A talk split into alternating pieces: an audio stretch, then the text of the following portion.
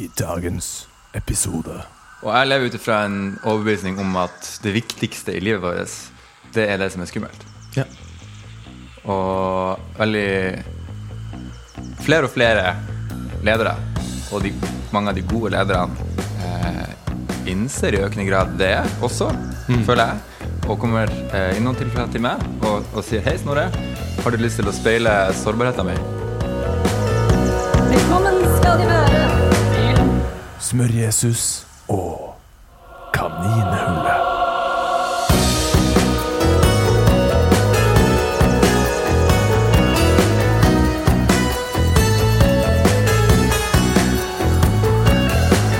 Hallo, alle sammen. Hallo, alle sammen. Velkommen til denne podkasten som jeg ennå ikke har eh, funnet noe navn til. Smør-Jesus et eller annet. Smør-Jesus does podcast. Um, gjør meg vant til å ha in introduksjoner. I dag har jeg med meg en veldig vakker, flott uh, gjest som heter Snorre. Som uh, nylig har snubla inn i livet mitt, og som har uh, rørt ting til og gjort uh, Ja, gjort mye spennende. Um, eller gjort ting veldig spennende. Jeg møtte denne fyren på um, badstua på Søringa. Hvor man møter Det er der man møter de beste folka. Eh, og ja, vi ble kjent. Han inviterte meg til å være med på Morning Beat. Som er et veldig, veldig deilig arrangement eh, som eh, skjer i Oslo, hvor man eh, eh, raver eh, Det er et rave som starter halv syv om morgenen. Så vi som kanskje har lagt fra oss denne nattravingen, sånn som jeg har gjort uh, men som fortsatt elsker å danse, har muligheten til å slippe seg fri både før man skal på jobb. Så det er veldig, veldig fint. Eh, Det førte meg inn i et veldig interessant miljø, og det skal vi sikkert eh, snakke også litt om. Jeg skal ikke snakke for mye, for jeg merker at jeg bare havner ut på ville veier. Så jeg vil bare si velkommen eh, til deg, Snorre. Tusen takk. Hyggelig å være her. Ja Du er en uh, interessant menneske. Og du, vet du hva? Jeg, jeg lurer på om det beste er om du faktisk introduserer deg selv litt. Om hva du gjør, og kanskje litt om hvordan du havnet der du er. Ja, gjerne. Ja. Jeg heter Snorre til fornavn. Hei, Snorre. Jeg heter Paulsen til etternavn. Hei, Paulsen. Hei, Paulsen. Og um, jeg bor i Oslo. Kommer fra Nord-Norge. Har bodd i Oslo i seks år, cirka. Og før det så bodde jeg i Trondheim, studerte på NTNU, og så bodde jeg litt i Tyskland. Og jeg jobber med coaching av ledere, først og fremst. Og litt strategisk rådgiver og litt foreleser. Ja. Og så jobber jeg med å fundere på spørsmålet hva det vil si å være et helt menneske. Mm. Og utforske forskjellige praksiser, eh, både gjennom de jeg jobber med å coache, Ja. og min egen ledelse av meg sjøl, for det må man jo også prøve å gjøre. Ja. Eh, og så drar jeg på masse rare ting. F.eks. på Morning Beat og på badstue på mandager og bade i havet klokka halv, halv null eller noe, Ikke sant? og så videre. Så eh, kort versjon. Mm. En fin kortversjon. Um, spørsmålet om hva det vil si å være et helt menneske, det tror jeg vi begge har eh, Der er noe vi, vi møtes rundt, i hvert fall. For det er også et, kanskje mitt sånn overordnede store ting, store spørsmål, som, som eh, jeg eh, Altså søker svaret til, men som jeg ikke tror at jeg kommer til å liksom lande noensinne Hvem vet? Kanskje jeg plutselig snubler over det. Men eh, Men det er på en måte en sånn en, en fin sånn stein da som jeg, som jeg ruller oppover bakken.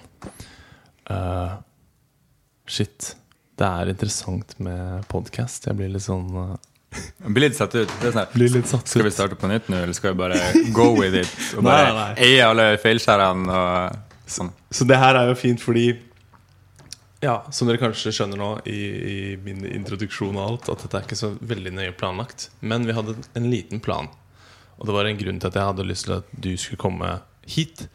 Fordi du har veldig mange interessante ideer og tanker rundt et konsept som jeg også har vært veldig opptatt av eh, siste tiden. Og det er eh, sårbarhet, egentlig. Som et sånn Nesten som et verktøy. Eh, et veldig nyttig verktøy som når, Kanskje hvis man snakker om hva det vil si å bli et helt menneske og leve et komplett liv, da, ikke sant, så er det visse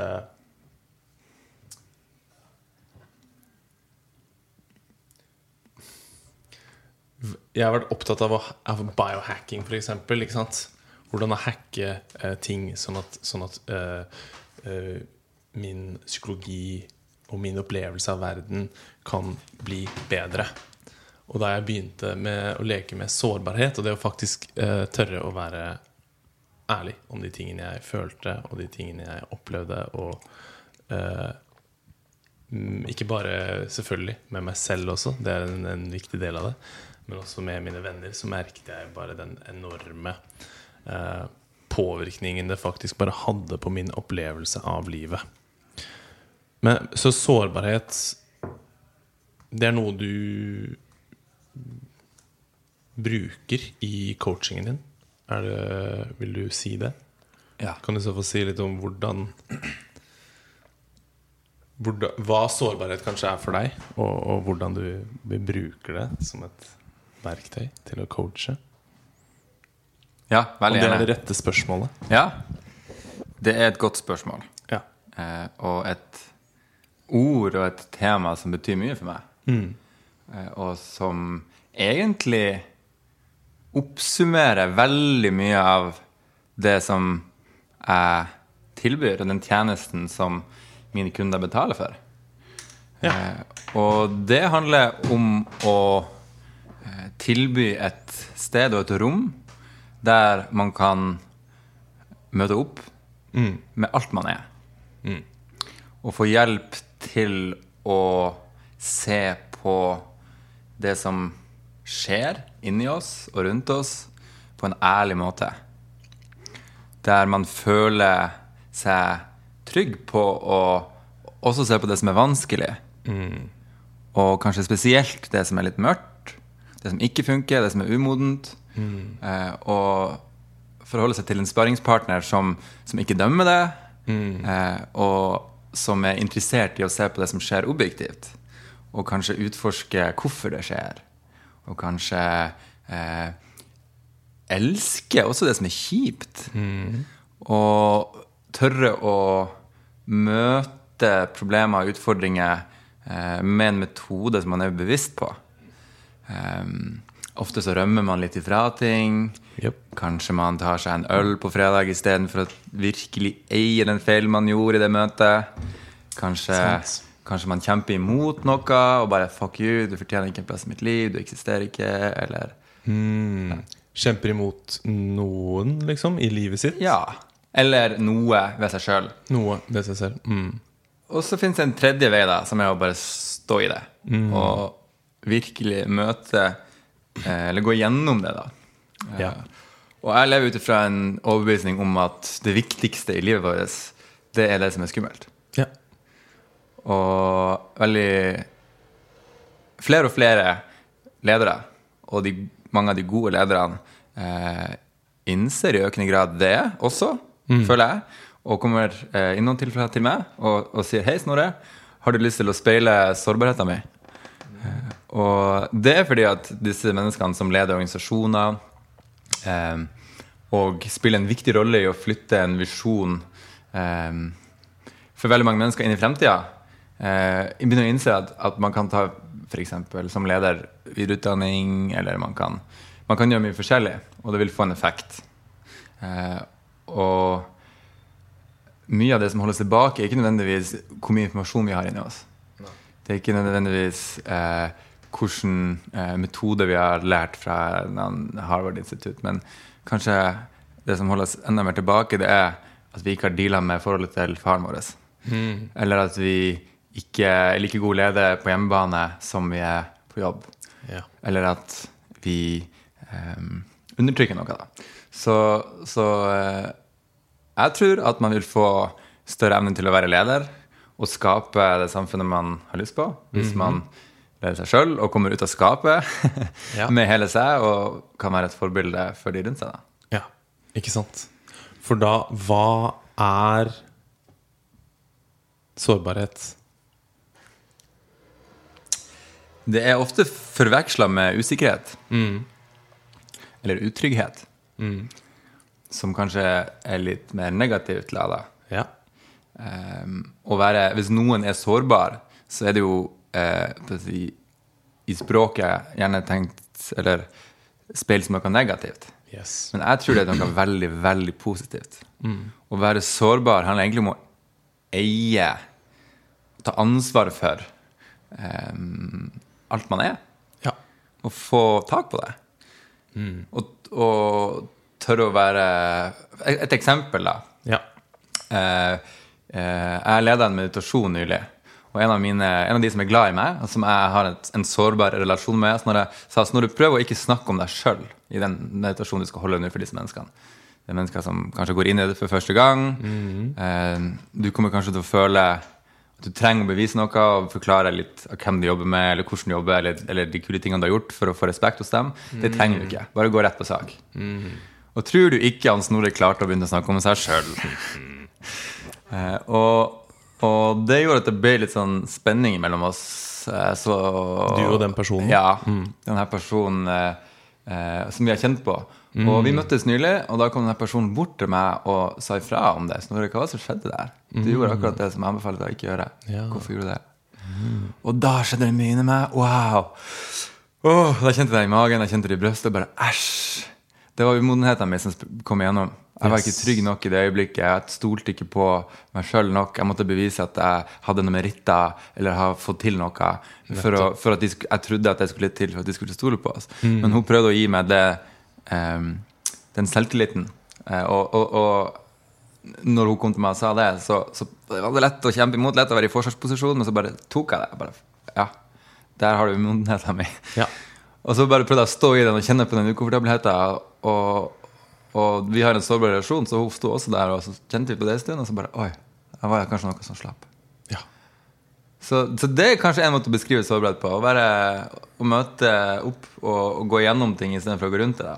Ikke sant. Også, ja. Kalle en spade for en spade og ikke snakke for mye rundt. Eller Det er vel en, et, et Ikke et instinkt, men ofte en, en typisk forsvarsmekanisme. Hvor man ønsker å rasjonalisere. Sånn som i det kunne du sikkert funnet en eller annen rasjonell grunn for hvorfor. Jeg prøvde jo på det først. Fordi du ønsker å forsvare egoet, hvis Ja. man skal kalle det det. Jeg syns ego er litt sånn Det blir litt sånn vag eh, ting. Men det er jo litt sånn det bildet da som du har skapt kanskje av deg selv, som du ønsker at andre skal se deg som. Ja. At det kan ofte komme i veien fra å faktisk vise hvem du er. Og det er noe jeg syns er veldig eh, fascinerende å, å ha observert da, etter å ha liksom blitt veldig bevisst på sårbarhet. Og når jeg ser det i andre, f.eks. Hvordan jeg lyser opp. Bare, når, fordi For meg så jeg føler jeg sårbarhet er eh, Hvis man snakker om relasjoner, da, og, og, og danne en relasjon mellom meg og deg, og danne en connection, det skjer når man er sårbare. Når man slipper ned garden sin, og slipper det egoet, og slipper det bildet som man ønsker at alle andre skal se deg som. Og liksom bare Vet du hva, det her er Det her er sånn jeg føler, og det er akkurat nå. Og ja. Og da, da kan liksom den andre personen se meg tydelig, enn at jeg prøver å, å vise noe som jeg tror denne personen ønsker å se. Og det er eh, en sånn Det å bare se det i andre noen, At jeg i meg selv bare sånn wow Merker en sånn instant connection med denne personen som er sårbar. Men også når jeg er sårbar, hvordan det vekker noe i folk. da Og at folk liksom er så sultne etter det.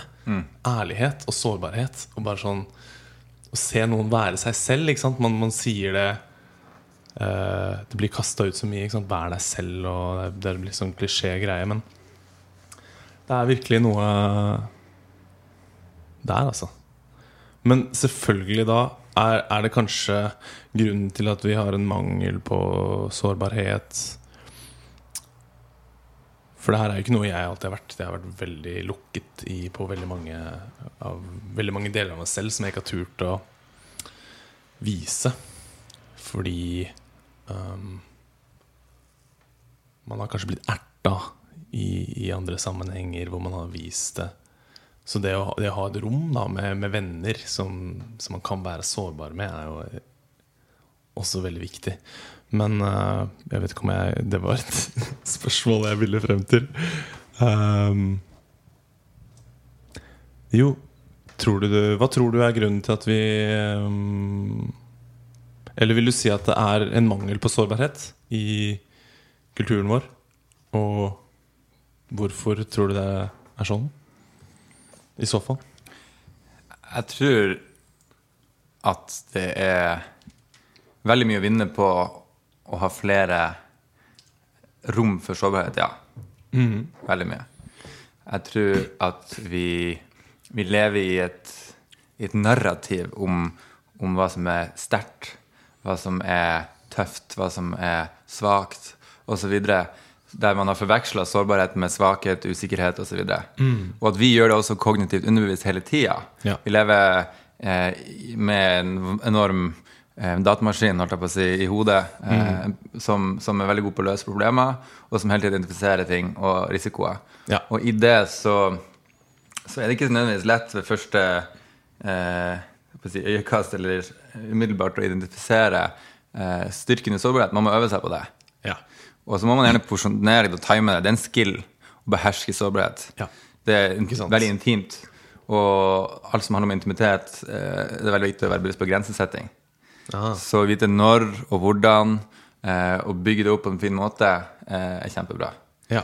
Um, og jeg tror at grunnen, en av grunnene er at vi lever i en verden bygd av redde menn.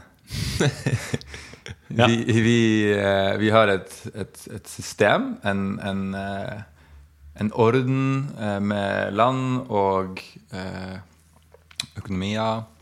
Og eh, en idé om vinn-tap. Hvis du skal Hvis jeg skal vinne, så må du tape. Typ. ja. Det vinn-tap-narrativet holder oss tilbake fra å være sårbar. Det er én ting. Ja. Eh, og det andre er det Fordi hvis, hvis du viser all din sårbarhet, så kan jeg bruke din sårbarhet for å få kontroll og, vinne, og mest sannsynlig vinne. Er, det sånn Ok. Vi tror ofte det. Ja. Og hvis man ikke bevisst på hvordan å bruke sårbarhet, så kan det misbrukes. Ja. Men det kan også være en superkraft. Du kan også bruke sårbarhet til å avvæpne motstanderen din, ja. eksempel Uten tvil. Og ehm, jeg tror at vi er på vei inn i en ny æra eh, med litt mer modne menn og sterke kvinner Ja. som, som eh, holder på å redefinere suksesskriteriene for si, både i økonomien og eh, i lederskap. Eh, og lede handler ikke lenger om å sjefe. Nei. Det handler om å dytte folk fremfor seg. Ja. Eh, og når eh, verdens eh, kanskje mest respekterte og raskest voksende selskaper, sånn som Google, gjør sine undersøkelser blant sine ledergrupper på hva er de viktigste kriteriene for at team skal lykkes, Ja. så kan man jo tro at dessverre blir samarbeidsevner eller IQ Ja. eller eh, kreativitet eller andre viktige ting. Men de har gjort et, et ganske omfattende studie der eh, konklusjonen, den viktigste faktoren, er psykologisk trygghet. Team som føler psykologisk trygghet, lykkes. ja. Fordi at da tør man å calle bullshitten til andre. Yes. Da tør man å be om ærlig feedback, og da, man, da er man interessert i å få feedback, og man har skapt et rom der man lytter og lar folk få snakke, der ikke den høyeste stemmen styrer alt, osv. Så, videre. så det er et skifte på gang der de som ikke henger med i timen, kommer til å falle helt ut, Ja. tror jeg. Og eh, så er det heldigvis ikke så vanskelig, da. Det handler jo om å være Å møte opp og være ærlig Ja. og, og, og tørre å tro på at det ligger masse vekst og personutvikling og gruppeutvikling i det å være sårbar. Ja. Og det er Det er interessant det du sier der, at For det blir jo litt sånn kan, altså, så Noe av det vanskeligste jeg har jobbet med, er sårbarhet, på en måte. Selv om du sier det er, det er veldig enkelt i praksis. Eller sånn Vær ærlig. Men inn, psykologisk, da, så kan det ofte være veldig mange barrierer, ikke sant, som, som bare som, altså det, er- det, For meg og min egen erfaring så var det mye ting som jeg hadde undertrykt ikke sant, av meg selv, som, som har ligget der lenge. Og som jeg føler det, det som skjer når, det, når du undertrykker noe over veldig lang tid, er at det bygger opp en veldig sånn sterk spenning rundt denne tingen. Um, så det å liksom slippe den fri, da, som jeg føler det er the act of vulnerability, bare for å vise at eh, norsken min er eh, på avveie. og at jeg må låne ord fra det engelske språket. Men uh, uh, at det, det handler om å ja, slippe en, en, en sannhet, på en måte, om deg selv fri.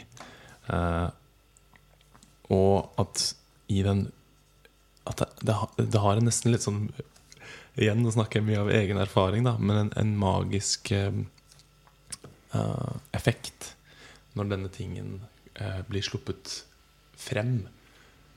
For det ene er jo kanskje å komme til den eh, konklusjonen i sitt eget hode, men det å, det å bare si det høyt ut til en venn, og liksom putte den ut i verden, at det Ja, det har en tendens til å rette ut psykologien. Som, hvis, hvis denne tingen har liksom, som jeg nevnte, at er, du har undertrykt den. Du har, du har, den ligger skjult. ikke sant? Det er en del av deg selv som du ikke Jeg kan ta et eksempel. Da, hvis du er en, en, en gutt og, og vokser opp, og så um,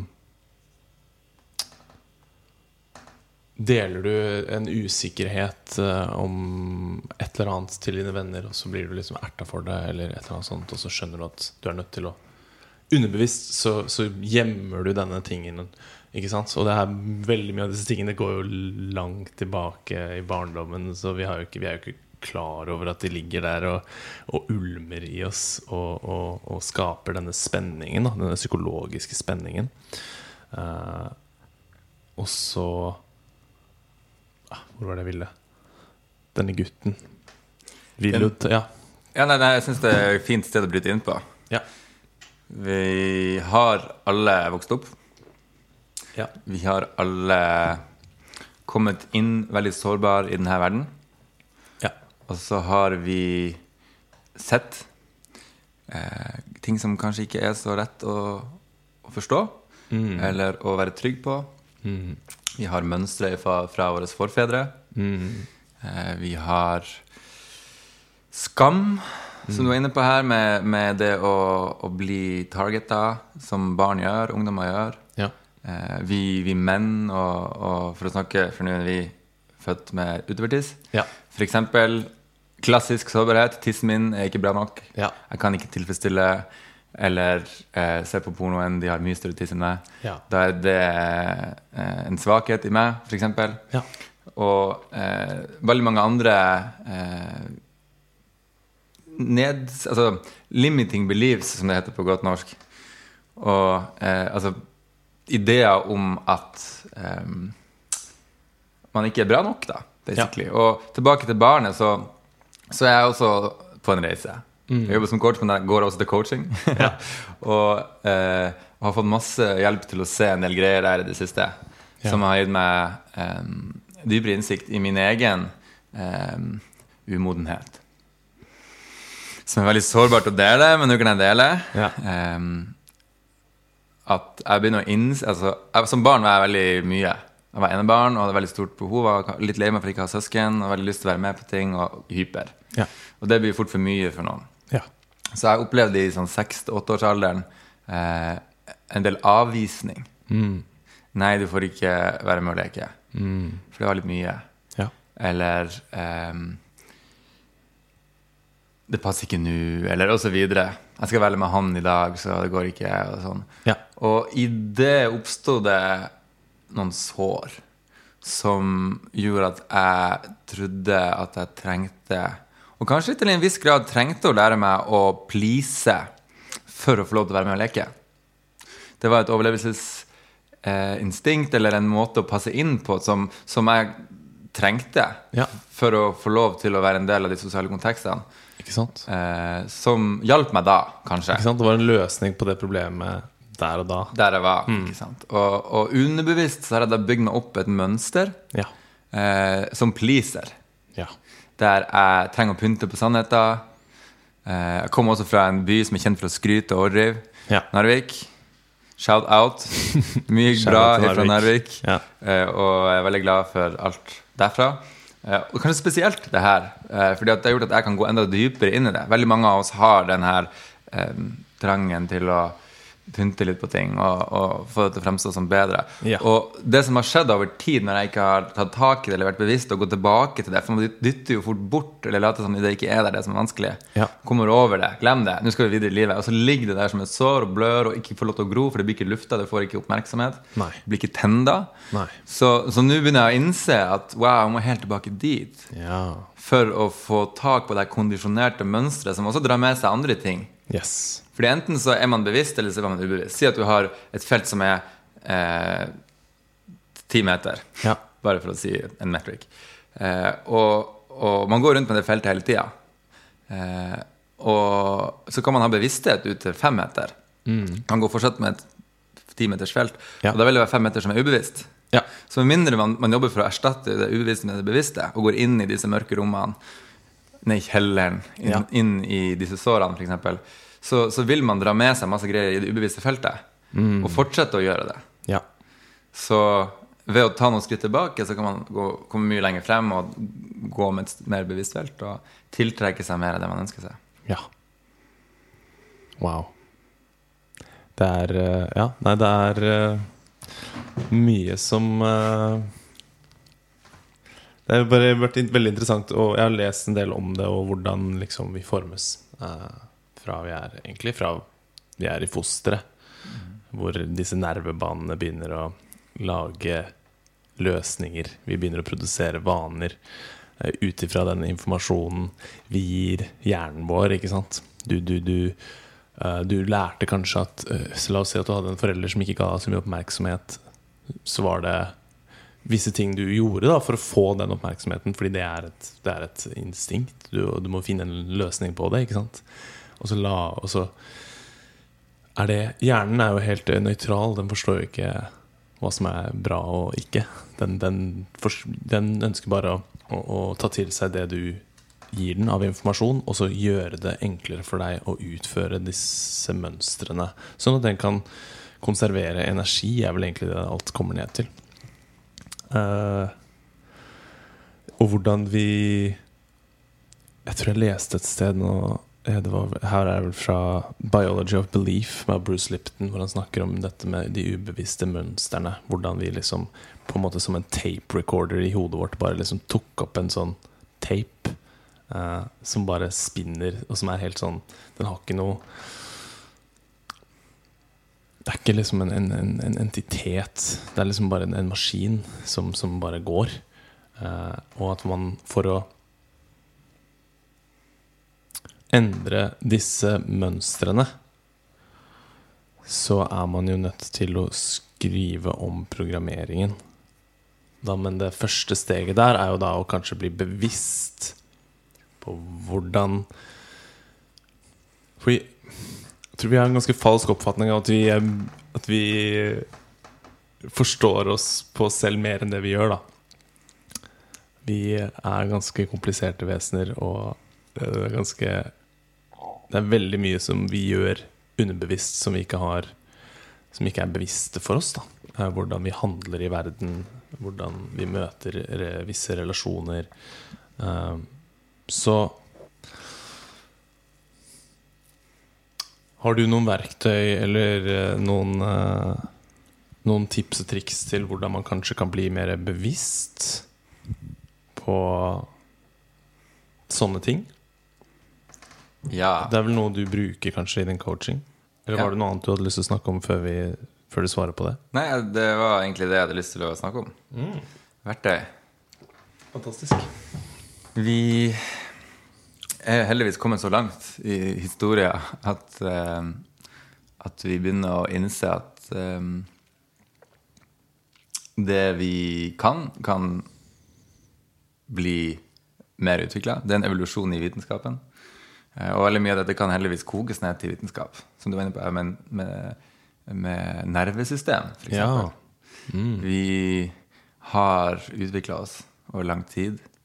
Og overlevelse og reproduksjon har vært em, det bærende eh, målet, da, på mange måter, eh, for oss. Og i den eh, Kalle kampen, så er det jo et slags vinn-tap-forhold. Enten så er det meg eller så er det deg som får lov til å lage barn med henne. Ja. Eh, for eksempel. Ja. Og eh, vi har noen evolusjonære teorier, mest kjent Darwin. Ja. Eh, sin teori om det som på norsk har blitt oversatt til den sterkestes rett. Ja. Og det er veldig interessant å se på. Sånn tematisk overbygging på det her temaet sårbarhet. Eh, det som Darwin sa, var The survival of the most adaptable. Og for å kunne være tilpasningsdyktig, så må man kunne se på hva som ikke funker.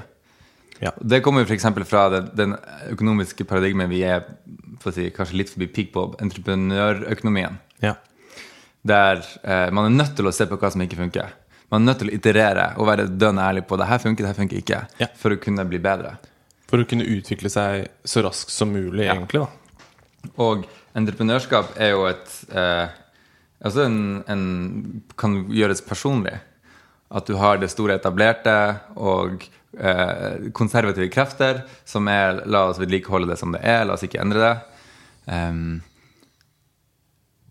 og så har du nå masse nye aktører som blir heia frem som utfordrere til det. Ja. Og det handler, kan jo også bare for å ta det fra økonomien til nervesystemet. Vi har også et nervesystem. Det er det, all informasjon som sendes imellom organer, mellom hjerne. Fra når du tar på bordet, så kommer det opp til hjernen. Du sparker tåa i, i en stol, og så går det en lite- bitte liten stund der du lurer på hvor vondt det skal bli, og så kommer det. Ja. Det er nervesystemet som jobber.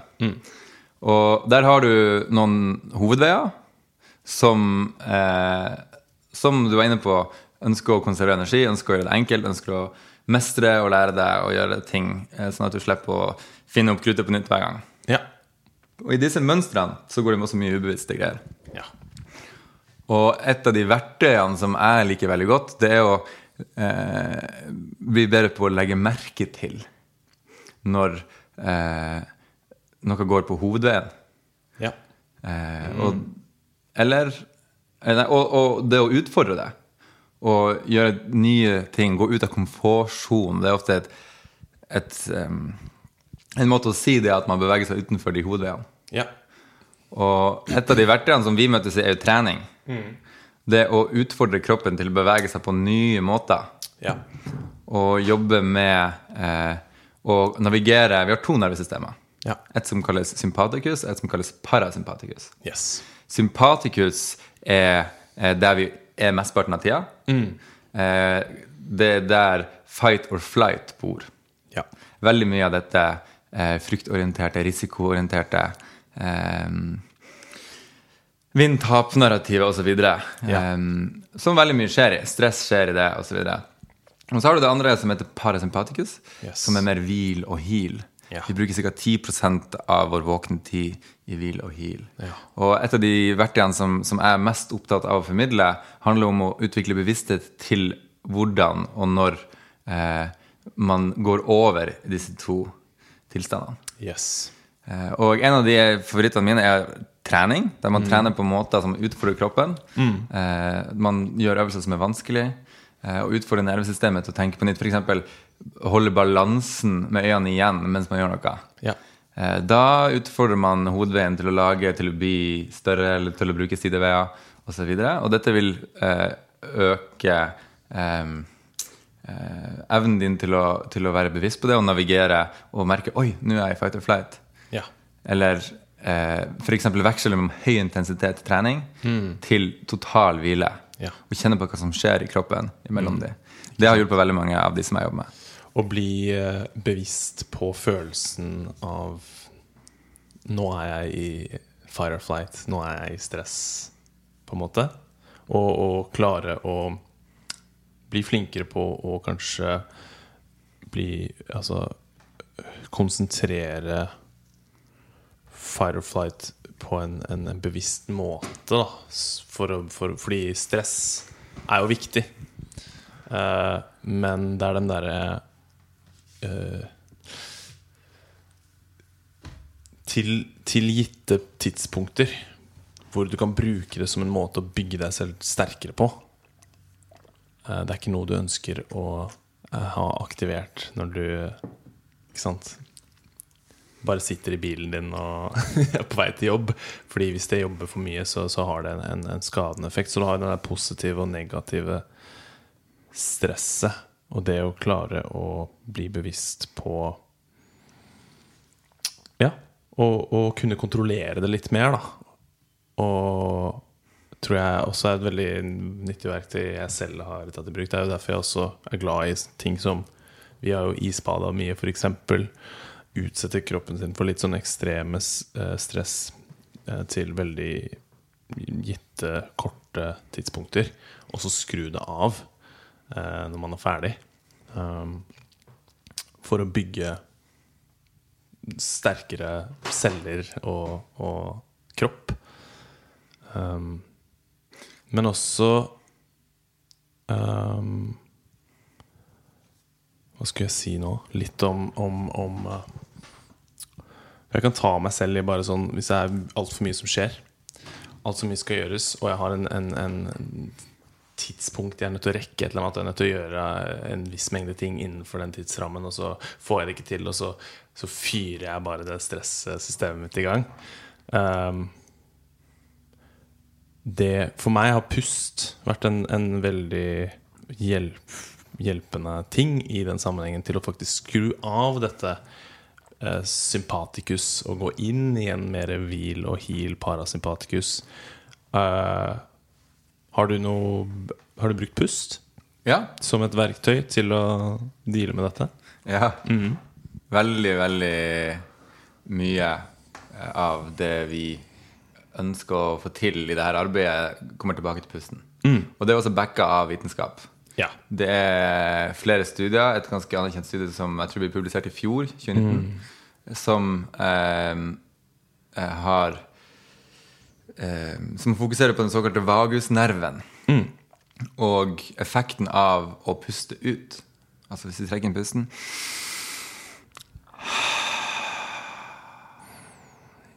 I det vi puster ut, så, så skjer det noen greier i nervesystemet.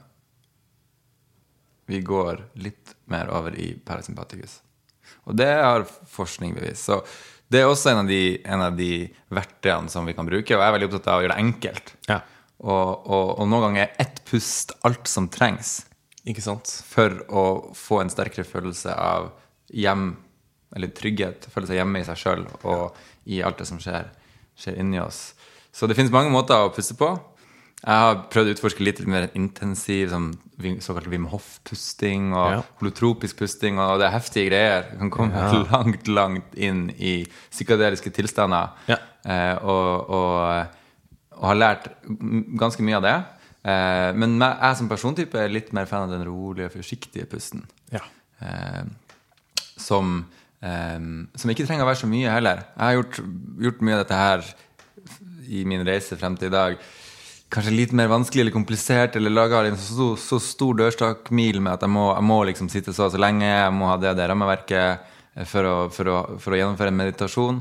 Eh, men, men ofte er én pust det som skal til. Og det å tørre å tro på at hvis jeg går helt bevisst inn i ett åndedrag, og slipper det helt ut, og kjenner på det som oppstår, så, eh, så vil jeg kunne komme nærmere en tilstand der jeg får grep på situasjonen, jeg får grep på følelsene mine, og, Yes. og klarer å handle eh, på en litt mer konstruktiv måte. Yes. For det er jo det man ser med stress også, når dere sa det med konstruktiv måte. At eh, det skrur jo av eh, frontal lobe activity. Så, så du vil faktisk ikke bruke hjernen din på samme måte enn hvis du er i parasympatikus. Da. Noe som gjør at du ofte handler fra et litt mer irrasjonelt, instinktuelt plan. Som ikke er Hvis du skal være en leder, da. Hvis vi skal ta det tilbake til det. Som du nevnte, det med det å kanskje ikke være en like god leder hjemme som du er på jobb. Det å, å, å være i den stresstilstanden vil føre til at man tar Ja, kanskje hakket mer eh, irrasjonelle, negative valg som man ikke ellers ville gjort hvis man, hvis man var i sitt rolige, normale tilstand. For det her handler jo litt også om å kontrollere bevisst sin, sinnstilstand, egentlig. Fordi disse tingene her Stress er nesten som en, en egen sinnstilstand som endrer din personlighet, og som endrer dine motivasjoner, og som endrer dine ønsker og, og uh, Og det er veldig nyttig i en, uh, i en uh, stress Altså hvis det er noe fare som faktisk er på ferde, eller Men det er kanskje ikke like nyttig når du står og lager middag til familien, på en måte. Nei. Så det, å- det å, å bruke sånne verktøy for å og også bli mer bevisst på det. Da. Jeg syns jo pust Et verktøy som jeg har begynt å gi til mine klienter, som, jeg får, ja, som jeg selv bruker, og som jeg får veldig mye god tilbakemelding på. Fordi jeg har forstått hvor massiv påvirkning stress bare har på hele dette bildet av helse. ikke sant? er jo bare å sette seg ned og ta på en klokke på fem minutter. Og så puste inn seks sekunder. Og så puste ut seks sekunder. Og så bare fokusere på pusten. Så, så er det faktisk en veldig effektiv måte å skru av stress. Og gå inn i parasympatikus. Så det å bruke det f.eks. i pausen på jobb, hvis det har vært en stressende jobb, ta fem minutter. Eller når du er ferdig på jobb og skal hjem til familien. Og bare skru av dette eh, stressystemet. Er Det har en massiv påvirkning på hvor liksom Hvor du egentlig handler fra, da. Um, har du lyst til å si noe på det? Ja. Ja, for å holde oss på det med lederskap, så, så, eh, så er jo det her jeg jobber med nå, et resultat av hva jeg tror er viktig eh, inn, i, inn i ledelse og inn i, inn i næringslivet. Um, og i et møte med et styre plutselig i en stressa situasjon der det er mange faktorer yeah. og mye usikkerhet og mange kondisjonerte mønster og kanskje litt sånn toksisk maskulin energi, yeah. eh, vindtap eh, Å kunne faktisk bare stoppe opp og puste, trekke pusten. Og at det er greit å ikke bli sett på som at du er enten svak eller gal eller noe. Å ha et rom der det er lov til å komme tilbake og ta et skritt. Ja. Og det holdes rom for det. Det krever kulturendring. Ja. Og, og sårbarhet er jo et rom for å være sårbar. Det er jo egentlig det man ønsker seg. Ja. For da vil man kunne ta avgjørelser ut ifra et mye mer eh, gjennomtenkt, langsiktig, holistisk perspektiv, der man inkorporerer eh, både stresset og håpet og de andre eh, faktorene som eh, Eller elementene som trenger å, å være til stede for å, for å lage en god strategi. ja. Og jeg har jobba Eller gjennom å jobbe som konsulent de siste fire-fem årene, eh, så har jeg fått en stor glede av å jobbe tett opp imot ledere. Typisk de som jobber med endring og innovasjon. Jeg jobber i et firma som heter Aero Strategic Innovation. Em, og uh, hjulpet ledere å starte og gjennomføre innovasjonsprosesser der man typisk ønsker å gjøre noe nytt man ikke har gjort før. Man ønsker å eh, skape rom og trygghet og kultur eh, og struktur for å finne ut hva kan vi gjøre for å skape mer verdi. Og i det arbeidet så har vi eh, i Æra, der jeg jobba før, hjulpet eh, til med å, å lage en god brief, en god forståelse av hvilke aktører som er involvert, hvordan de skal involveres, hva skal vi komme frem til, hvem skal bli enig, og lager kjempegode presentasjoner, kjempegode konsepter og prototyper, og tester de. Eh, og har, jeg har sett i mange tilfeller at alt ligger til rette for at dette kan bli jævlig bra. Ja. Eh, og eh, det, er ikke, det, er ikke mangel på informasjon, det er ikke mangel på eh, gode konsepter og presentasjoner eh, og beslutningsgrunnlag. Det er andre ting som holder oss tilbake, Ja. og det er typisk motivasjon. Og det er en av grunnene til at jeg valgte å gå for meg sjøl og jobbe med én-til-én i større grad med, med coaching. Fordi at jeg tror at man Jeg kan gjøre en større effekt ved å påvirke motivasjon. Ja. Og for å forstå hva som motiverer en, så, så tror jeg at man må være sårbar. ja. Ikke sant? Du må virkelig finne hva er Ja. Hva er det jeg ønsker å Ja. gjøre? Hva er det jeg ønsker å gjøre, og hva er det som gir meg energi? Ja.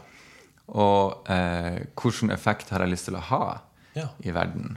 Og eh, i, i hamsterhjulet så er det veldig mye som går på eh, inn i stress. da. Det er veldig mye som går i, i, i det her vinn-tap-narrativet om å rykke opp i karrierestigen og levere, man må legge inn mange mange timer, osv. Eh, og eh, dessverre så, så er det til tross for veldig mange gode intensjoner, mye større konservative strukturer som holder igjen.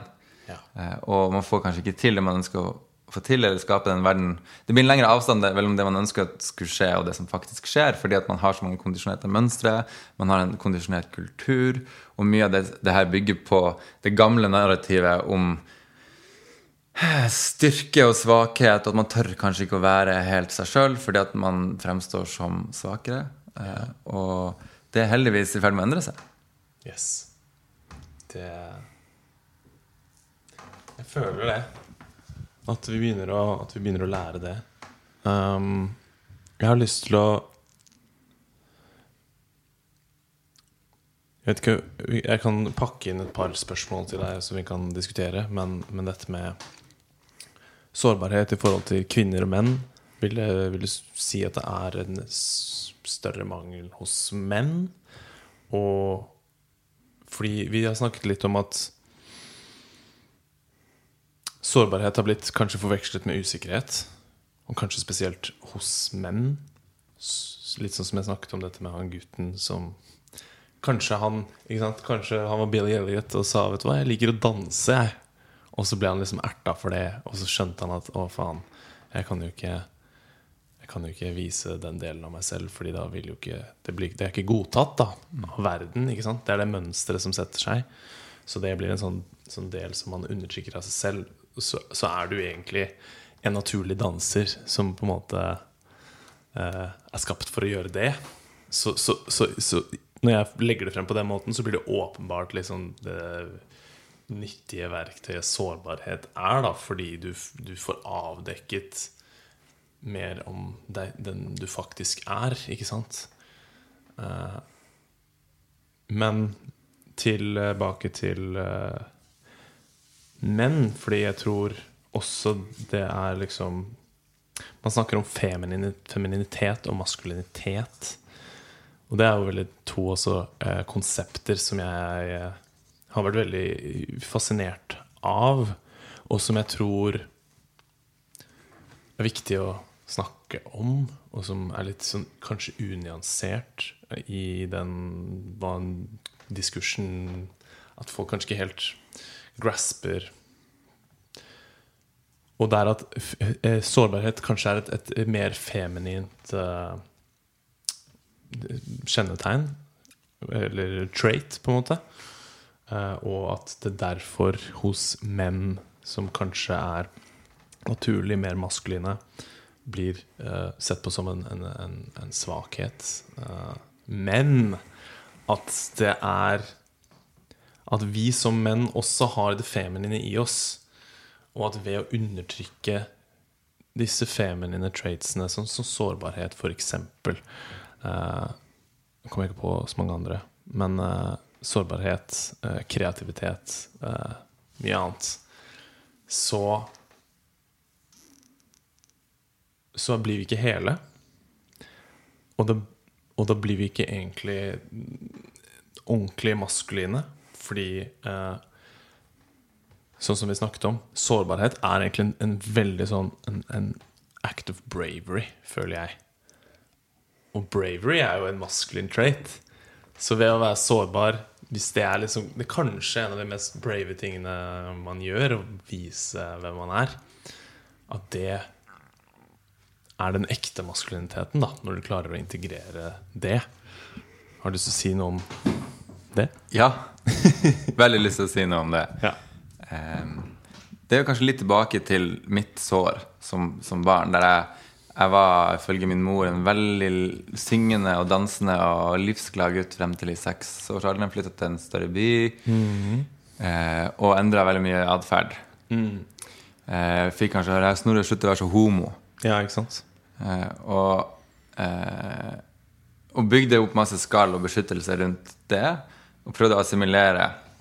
Og det koker jo litt ned til eh, en forståelse av eh, hva det vil si å være menneske som, som enten-eller.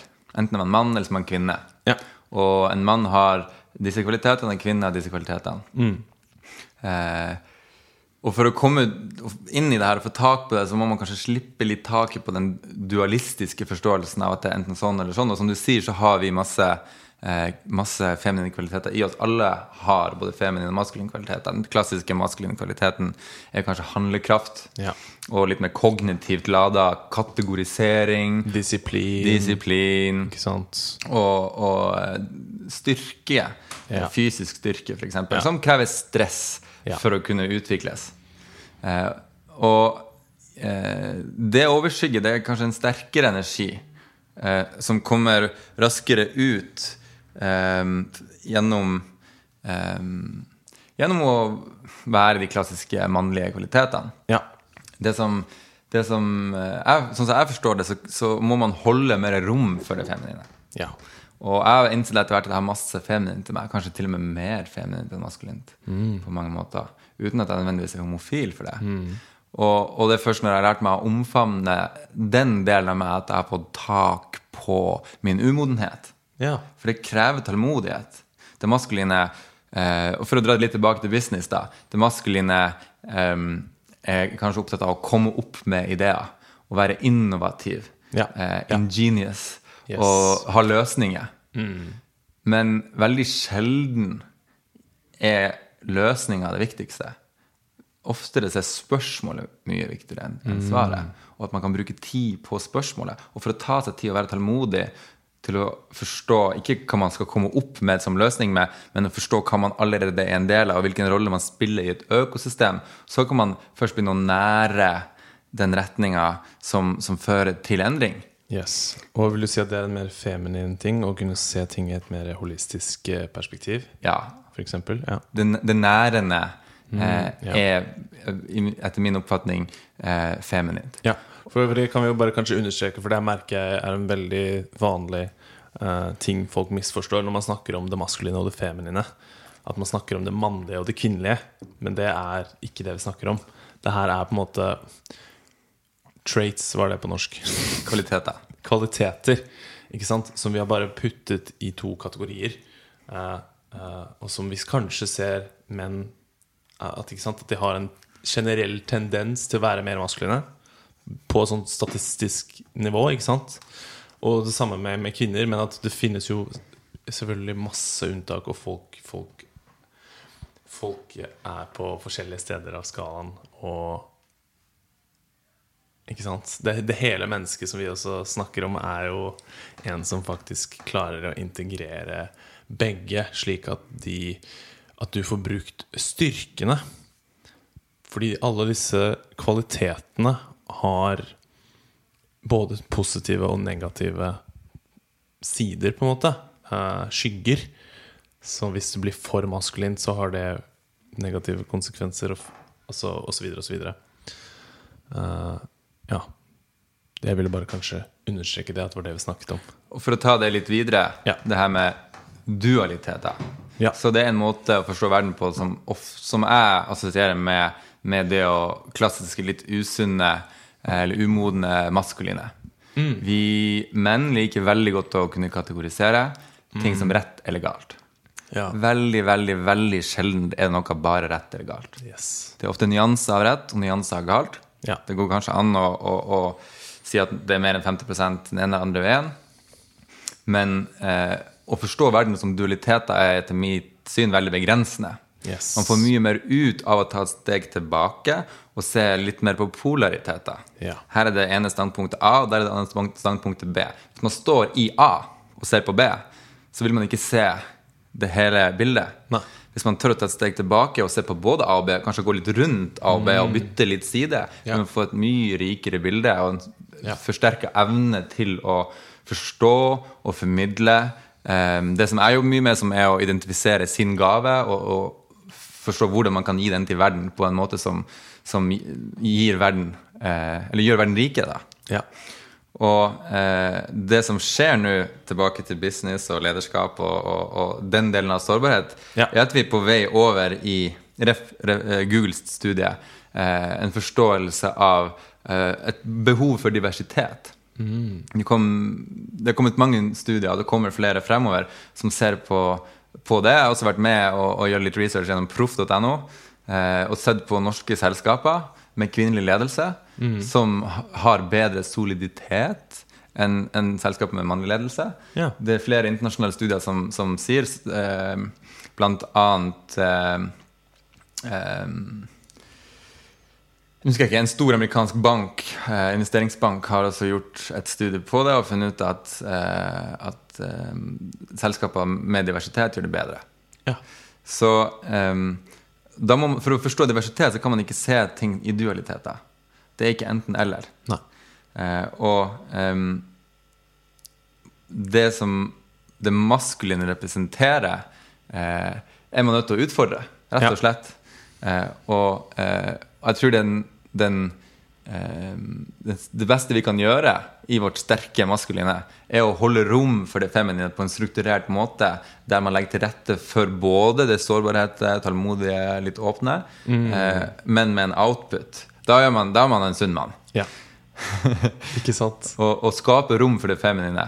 Også holde rom for kvinner. altså Den evinnelige likestillingsdebatten. Jeg har en upopulær mening, Ja. og det er at likestilling er tull. Boom! Boom! Jeg er med deg. Eh, det er Sånn som jeg ser det, ikke noe mål at alt skal være helt likt stilt. Nei. Vi må forstå kvalitetene og skape rom for det. Ja. Jeg er for like muligheter. Ja. Jeg er for like verd. Yes. Men jeg er ikke for at man skal 50 av koderne skal være kvinner, og 50 ja, Nei. Ikke sant? Det er ikke noe godt mål. Kanskje for å ta litt tilbake den ubalansen som er skapt, så har det noe for seg å f.eks. ha eh, et mål om en kvinneandel.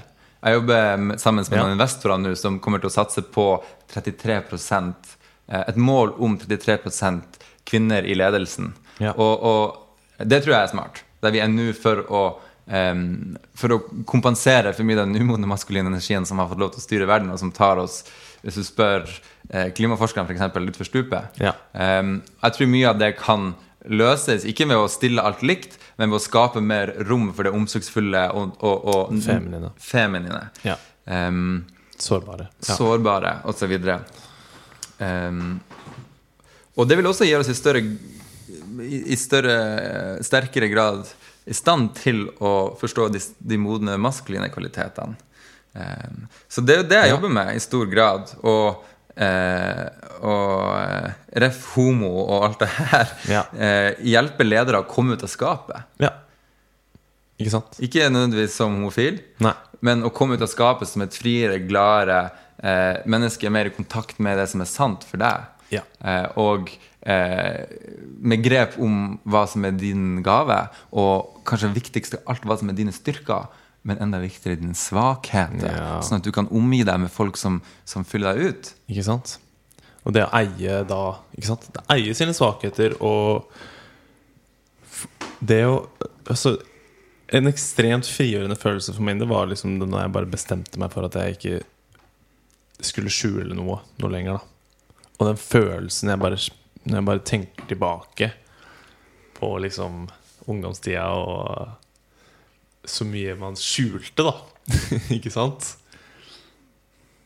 Det der psykologiske stresset som det på en måte kommer med, er eh, tyngende.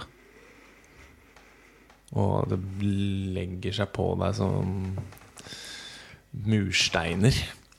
Um, men dette her er jo Det blir jo veldig abstrakt, på en måte.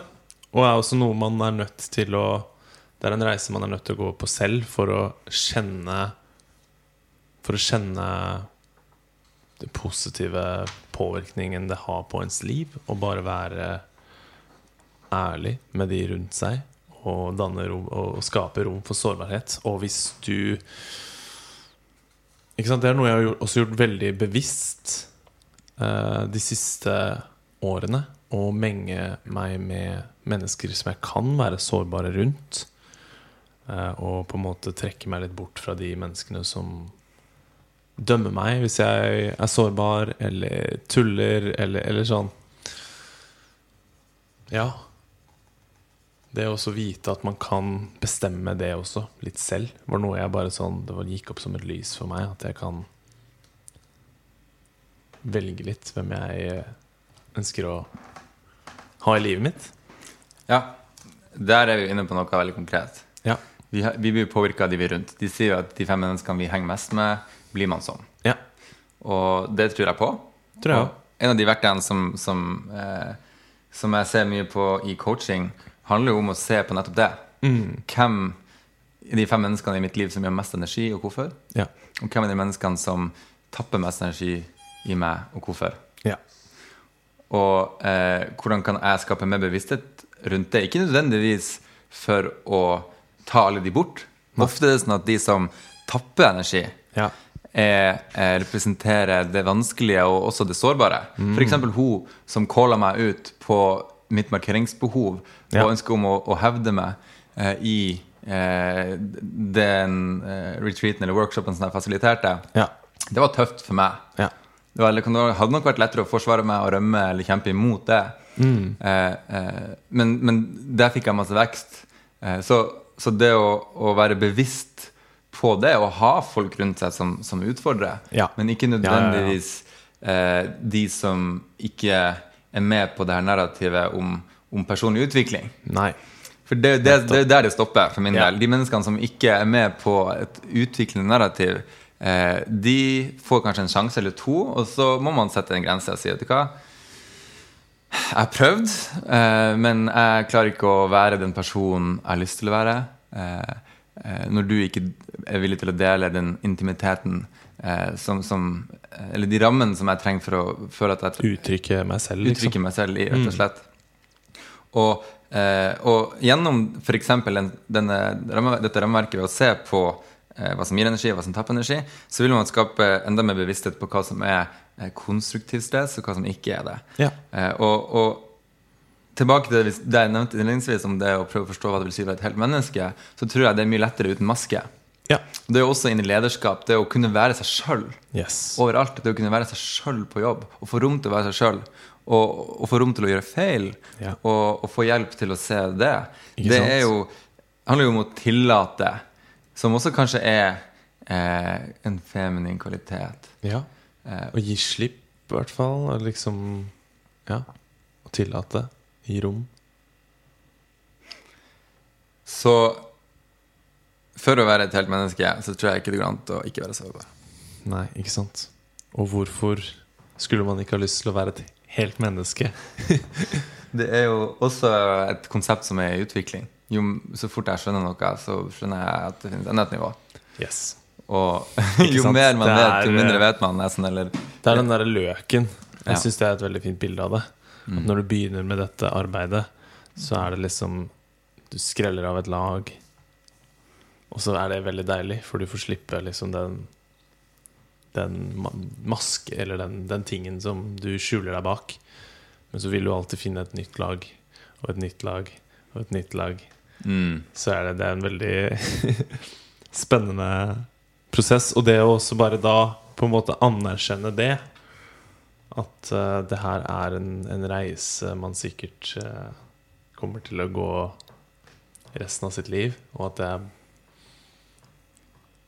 Hele den der klisjeen om at det er reisen og ikke målet, på en måte.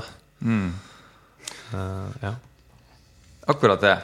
Jeg skal nå etterpå møte en av mine klienter ja. som, um, som leder et veldig kult selskap. Mm. Uh, og um, som kom til meg med et ønske om vekst og uh, utvikling og, og sparring og innspill, og kanskje mest det strategiske. Jeg kommer fra en strategisk bakgrunn med, med jobb som prosessleder og, og med forretningsutvikling i, i næringslivet. Eh, og som helt sikkert kan, kan pollinere sin virkelighet med litt av mine perspektiver. Men det vi har sett her, det er at det som holder han tilbake, det er eh, frykt for å ikke vite utfallet på ting. og, og det yes. som han føler mest på Ja. Så jeg spør han hva er det viktigste vi skal snakke om i dag, hva er det Ja. ting, hva du har grubla på de siste uka, for siden vi snakka sist, det er om han skal tørre å gå dypere inn i en relasjon. Han har ikke tort å la seg sjøl forelske. Nei. Og, og da er spørsmålet Er det verdifullt å tørre å ta den risikoen?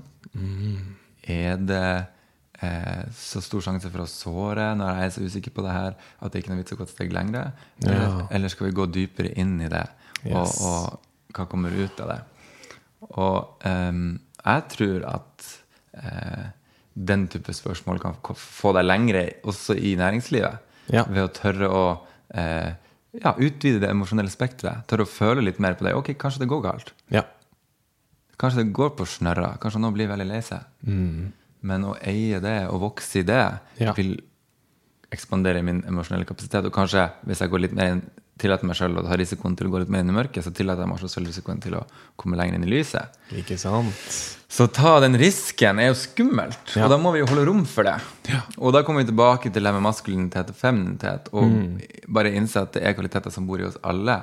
Og en av mine favorittmennesker, Ja. det er en av de smarteste menneskene som jeg kjenner. Eh, enormt handlekraftig, enormt smart. Møtte han på NTNU, han studerte petroleum. Jeg dissa han litt for det. Han likte meg ikke så godt først.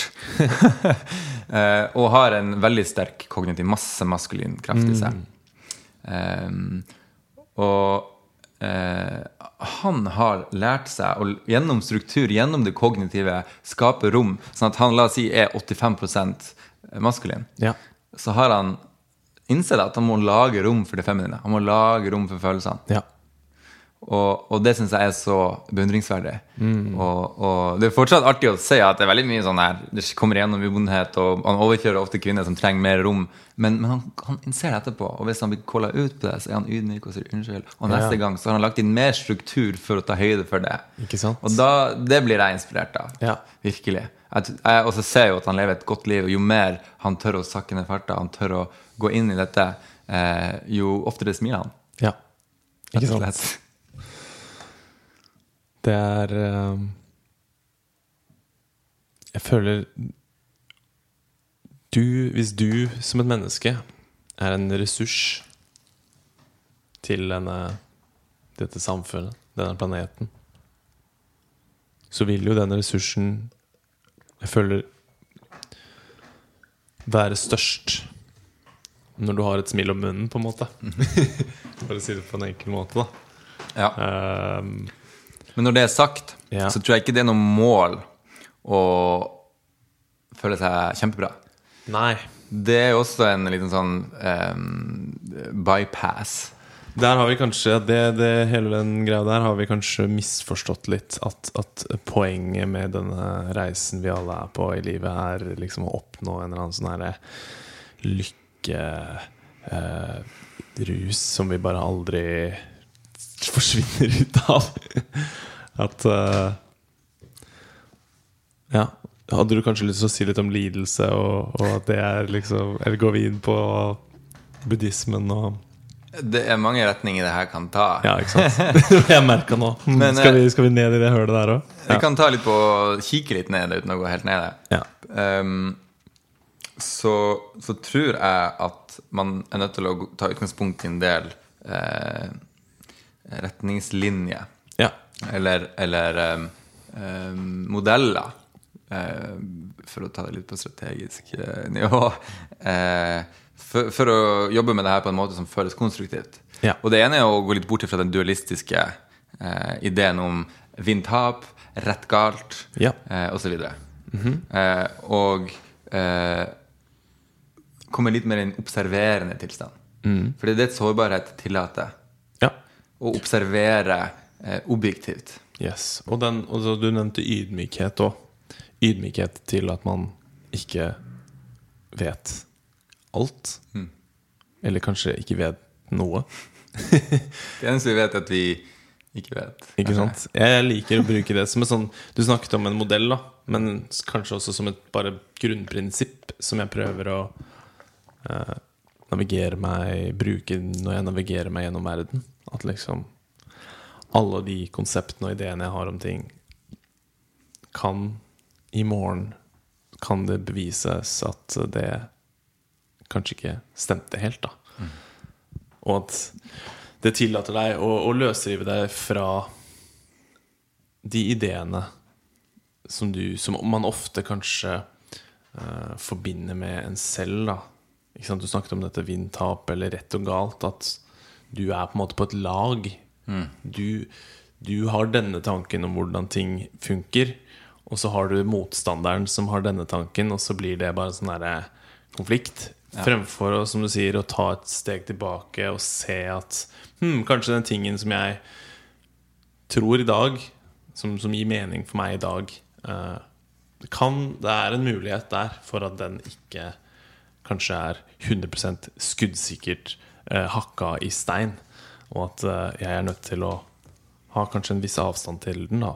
eh, sånn at jeg ikke blir for eh, opphengt i å skulle forsvare den. Ikke sant? Men nå, nå sendte jeg, tok jeg en liten avstikker her. Ja, jeg syns det passer inn. Ja. Det jeg prøvde å, å formidle som det her eh, Den modellen er jo som, å, å komme litt ut av den dualistiske eh, Ja, det var disse tank- modellene, Tankesettet. Mm. Og det betyr ikke nødvendigvis at man skal eh, eh, se bort ifra de forskjellige posisjonene, men, men å se på de posisjonene mer objektivt. Ja. Um, man kan godt se på de to leirene da, Ja. som, som, som eh, parter eller aktører i denne diskusjonen eller i, for å forstå det som skjer. Ja. Men uten å ta et veldig veldig gitt standpunkt og være åpen for at man vet er feil. Ja. Eh, og eh, tr- tre ut av oss versus dem-narrativet. Ja. For det er jo, sånn som jeg ser det, det som holder oss tilbake i verden. Ja. I veldig stor grad. Det her ideen om altså Se på topartisystemet i USA og det Ja. Mm. alt det politiske spillet som er rundt det. Se på eh, våpenindustrien. Ja. Og, og eh, ideen om at enten så må vi ruste opp, eller så må de ruste opp, og det her bare går for alltid. Og tar veldig stor del av den monetære flyten i verden Yes. gjennom m- militær-industrielle komplekser osv. Ja. Eh, og helt ned på, på eh, et menneskelig nivå, da, Mm. eh, så er det her det som har drevet oss. Vi er flokkdyr. Ja. Og det, tilbake til overlevelsesinstinktet, så, så er vi drevet av å lete etter kategorier. Vi er drevet etter å lete etter en måte å styrke oss, og det og innebærer i mange sine øyne ofte å, eh, at den andre skal bli svakere, Ja. og, og posisjon. Men når man kommer ut av det og er villig til å se på seg sjøl med sårbare øyne, så vil man kunne eh, eh, akseptere å gå litt ned i grøten og litt ned i driten, da. Ja. For vi, det er jo dritt hele veien. Altså, Ja. Vi er en del av naturen, og alt naturen skaper avfall.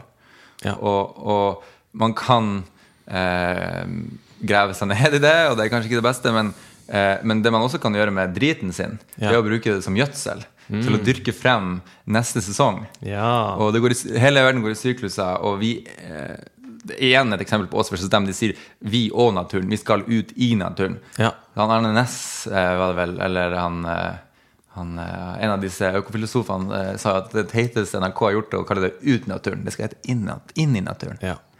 Eh, og, og forstå oss som en del av naturen, og, og bruke naturen og naturen sin visdom som inspirasjon til hvordan vi som mennesker også går i sykluser. Eh, Og igjen, det feminine er også mer i syklusen sin enn det maskuline. Ja. Og vi trenger hjelp. Vi menn trenger masse hjelp fra kvinner. Vær så snill, hjelp oss, kvinner. We need help. Ja, Ja. Til, å, um, til å se da hva som er dritt, og kanskje til og med hva som er bullshit. Ja. Og bruke det til å skape motivasjon til å bli en enda bedre versjon av oss sjøl. Og komme lenger inn i forståelsen av hva det vil si å være et helt menneske. Helt nydelig. Vi kunne sikkert snakket timevis mer om dette her. Det var det noe jeg hadde lyst til å si på slutten. Um, har du noe mer som du har lyst til å, noen flere poenger du ønsker å få frem? Eller har vi dekket mye nok om sårbarhet? Det er jo et fantastisk tema. Ja. Og jeg kan sikkert snakke og snakke og snakke om det, men det er jo viktig at man, at man tar det på sin måte. Ja. Folk er forskjellige. Mm. Diversitet eh, er bra, og det er viktig at folk gjør dette på en måte som er tilpassa den enkelte, og at man tar seg tid og setter av litt tid til å forstå hva det betyr for en sjøl. Yes. For det vil ikke være um, det samme for alle. Uh, eksempelvis denne eh, kameraten min som er så smart og så flink, han og for å bruke pusting som et av de verktøyene som kan hjelpe oss å få mer grep på, på oss sjøl. Ja. Han er veldig glad i den voldsomme, eksplosive, heftige, gå inn i dyp prosess, puste hardt. Ja. Uh, det funker for han. Det hjelper han. Ja. Men det hjelper ikke meg så mye. Jeg liker mer denne her forsiktige, eh, rolige pusten. Og det er ett eksempel av mange. Det finnes mange forskjellige versjoner imellom det. Ja. Eh, og bare, bare tro på at det finnes Hvis ikke det verktøyet funker, så finnes et annet verktøy som funker. At det finnes eh, veldig mange forskjellige metoder, eh, heldigvis, eh, til å, få tak på sårbarheter og, og bruke det til en superkraft. For det er først når man ser med objektive øyne på seg sjøl, at man klarer å forstå hva som er eh, forskjellen på eh, det som er sunt, og det som er usunt. Ikke sant? Og det jeg tenkte også bare på det i en sånn relasjonssammenheng, eller hvis du har en partner, eller dette med å Ja, Kan vi ikke Det- gå dit? Kan vi ikke ta litt, en liten sånn svipp på det med relasjoner og kjærlighet og sex? Jo. Og, For det er eh, Jeg føler hvis man skal Det er min, min, min observasjon, da. Men at et, et forhold burde, burde ha sårbarhet og ærlighet som en fundamentale prinsipper som man, som man bygger på. Fordi hvis man ikke er ordentlig ærlige om de tingene man føler, de tingene man ønsker, de tingene man ikke ønsker, um, så vil det være, som vi snakket om, en del av deg selv som du skjuler. Ikke sant? Og dette er også noe som da vil bygge opp Jeg ser kan bygge opp mye psykologisk spenning, er det jeg kaller det. Men det er liksom den derre følelsen av å Det er som du føler at det er noe du må si, men du bare syns det er så vanskelig fordi du ser for deg at det, det kommer til å medføre stor konflikt. Ikke sant? Oi, kanskje jeg til og med mister dama mi hvis jeg forteller henne denne tingen. Og så blir det en sånn derre ting som kan over tid kanskje formere seg til å bli bitterhet og Ja, nå går jeg litt off, off the rails her, men, men, eh, men eh, det å kunne være ærlig og, og, og ikke snakke for mye rundt grøten og, og si ting sånn som de er, gir både deg og partneren din en, en større mulighet for å vokse. Fordi jeg føler hvis man ikke gjør det, hvis man holder ting fra hverandre, så blir det jo litt som at man lever i en løgn.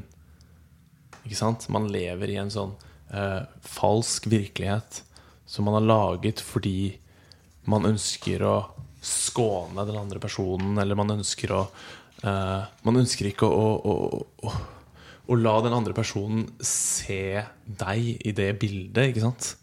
Du ønsker, du ønsker ikke å vise det til denne personen fordi eh, du har kanskje eh, Ja, du har blitt litt sånn avhengig, og du ønsker ikke å, å tukle med det. Du ønsker ikke å, å Og så er det egentlig bare kanskje også en, en generell eh, frykt for konflikt og det ukjente, ikke sant? som er også et veldig sånn naturlig instinkt. Der snakker jeg mye om at Og det her har vi jo snakket om nå også, det å forstå at det er i det ukjente og i det skumle, i de tingene som vi finner skummelt, at det kanskje er mest eh, rom for å lære og for å vokse og for å, å ja, bli mer hele. Og at vi faktisk Nå skal jeg la deg snart få snakke, men det, det dukket plutselig mye opp. Det å holde sånne ting igjen, for meg i hvert fall, føler jeg at jeg blir, jeg blir svakere. Jeg blir en svakere versjon av meg selv, og det, det bare renner ut i, i alle mine andre relasjoner og min evne til å, å være til stede i arbeidet mitt. Og, og, men, men når jeg liksom sier ting som det er Jeg har en, en, en ting jeg føler jeg må fortelle deg, som jeg har tenkt på, og som driver og um, uh, ligger litt i brystet mitt og ønsker å komme ut. Når jeg får den tingen frem, så bare reiser skuldrene mine seg opp, og jeg bare blir kjempesterk. Selv om det skaper en konflikt, og selv om det skaper en, en på en måte kjip eh, Kanskje til og med sårer, ikke sant?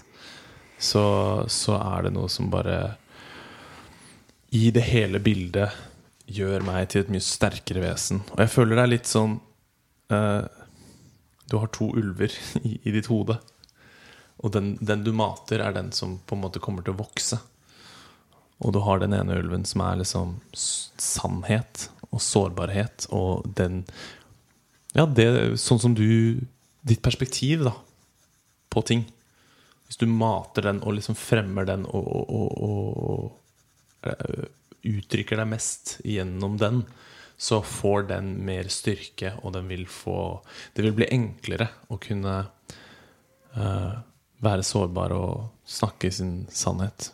Men det samme gjelder for den andre veien. Da. At hvis jeg lyver mer, og hvis jeg holder ting tilbake, at jeg blir liksom Jeg mater jeg denne ulven, og den blir sterkere, og jeg blir svakere, og jeg tør ikke å dele like mye, og jeg kanskje lukker meg selv litt mer inne, og jeg tør ikke å være like sosial, og Ja. Så Men vi skulle inn på relasjoner og yeah. parforhold.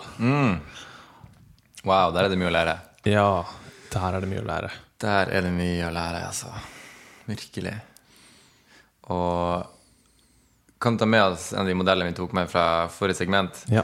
om eh, at det er menn er ikke bedre enn kvinner. Kvinner er ikke bedre enn menn. Nei. Eh, det er ikke vinn-tap. Det går an å diskutere styrker, svakheter, kvaliteter, modenhet, umodenhet i kjønnene.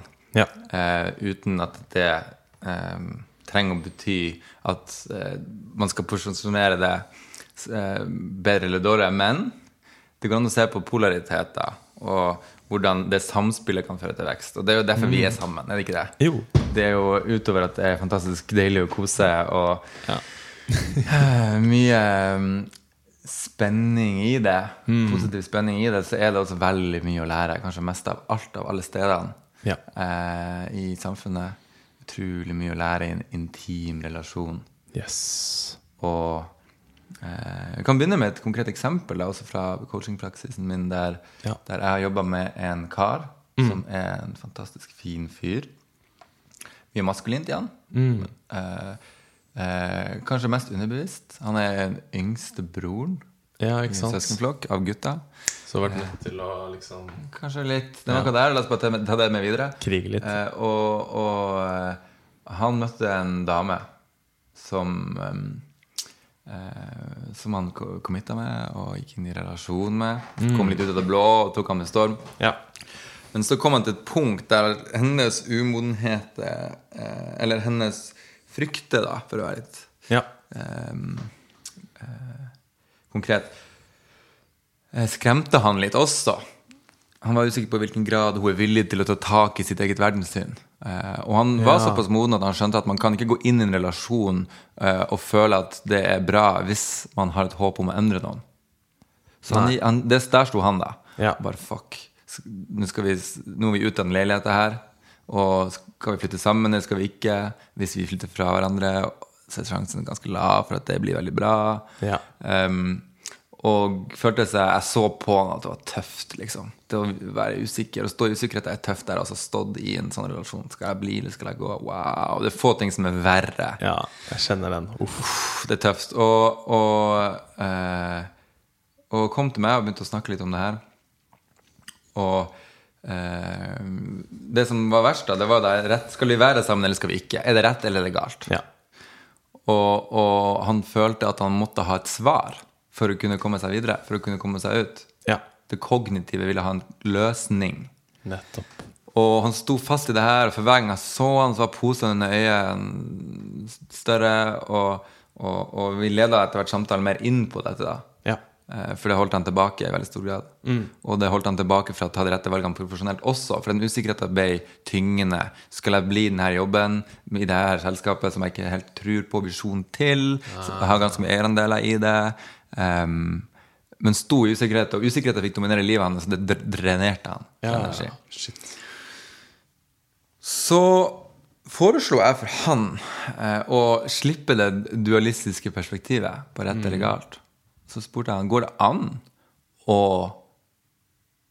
holde rom for den, det som du nå ser på som usikkerhet, på en annen måte, uten å konkludere. Går det an å ta det her opp uten å krasje? Uten å presentere det ene eller det andre? For du har ikke svaret på det ene eller det andre.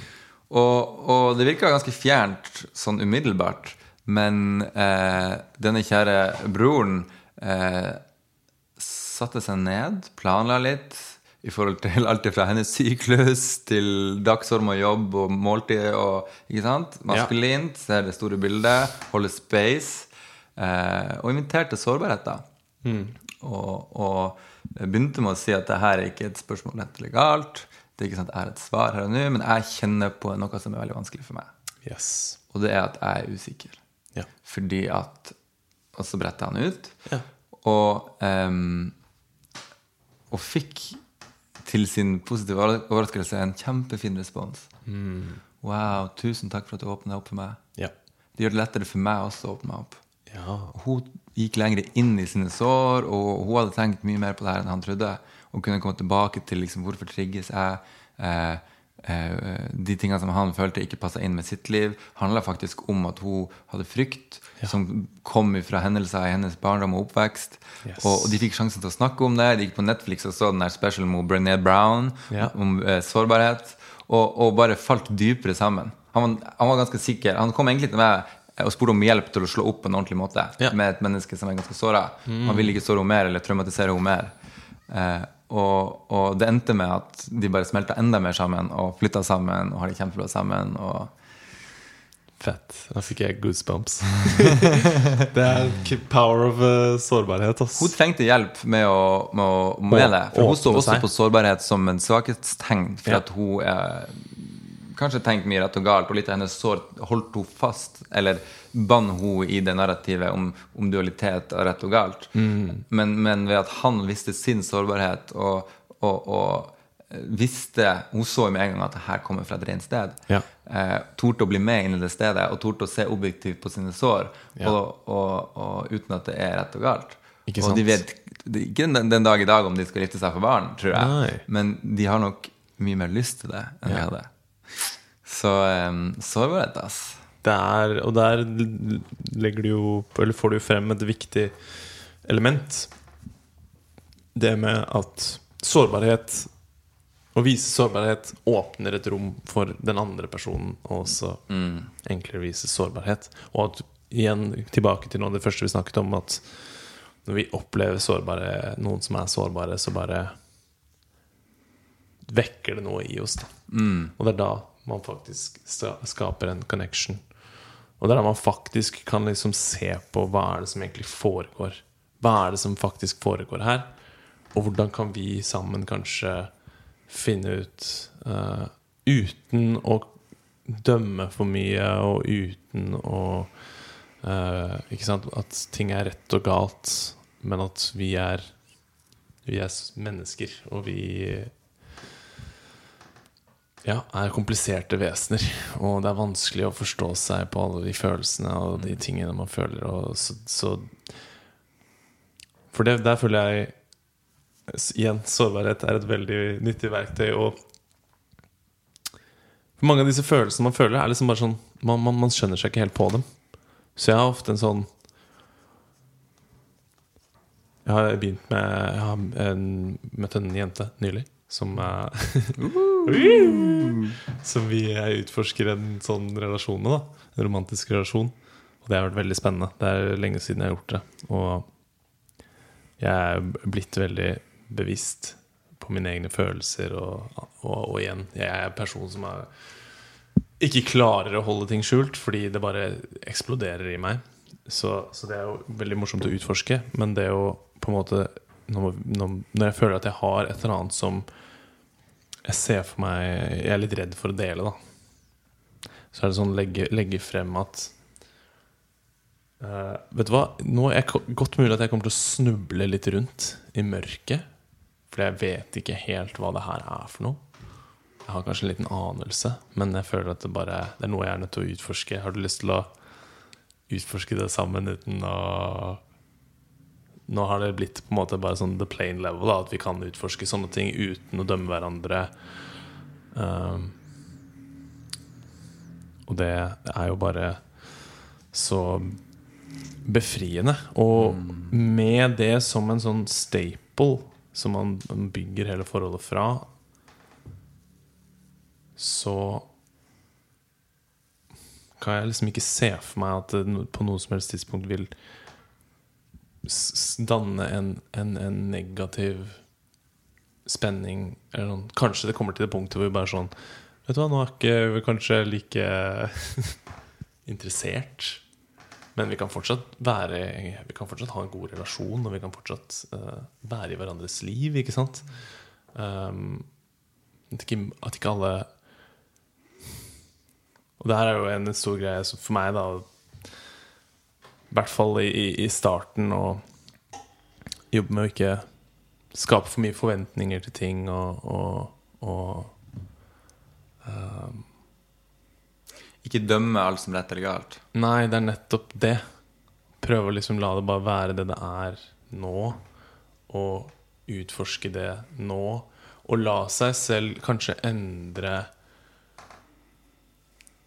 mening om en måneds tid hvis ting forandrer seg. For det er også noe som jeg føler er blir liksom var på da når jeg går inn i den relasjonen. At jeg har blitt så bevisst på hvordan jeg selv forandrer meg. Den jeg er nå, kontra den jeg var for et halvt år, et halvt år siden. Jeg hadde ikke klart å egentlig se for meg Jeg klarer ikke å se for meg hvor jeg er på vei igjen heller. ikke sant? Og alle de tingene som kommer til å skje, og som kommer til å forme meg i fremtiden. Så det å danne, for meg å danne et litt for tydelig bilde av hvordan ting kommer til å være om seks måneder, et år I hvert fall akkurat der jeg er nå, så, så, så liker jeg å, å holde det litt åpent, da. Men fokusere på ærlighet og sårbarhet.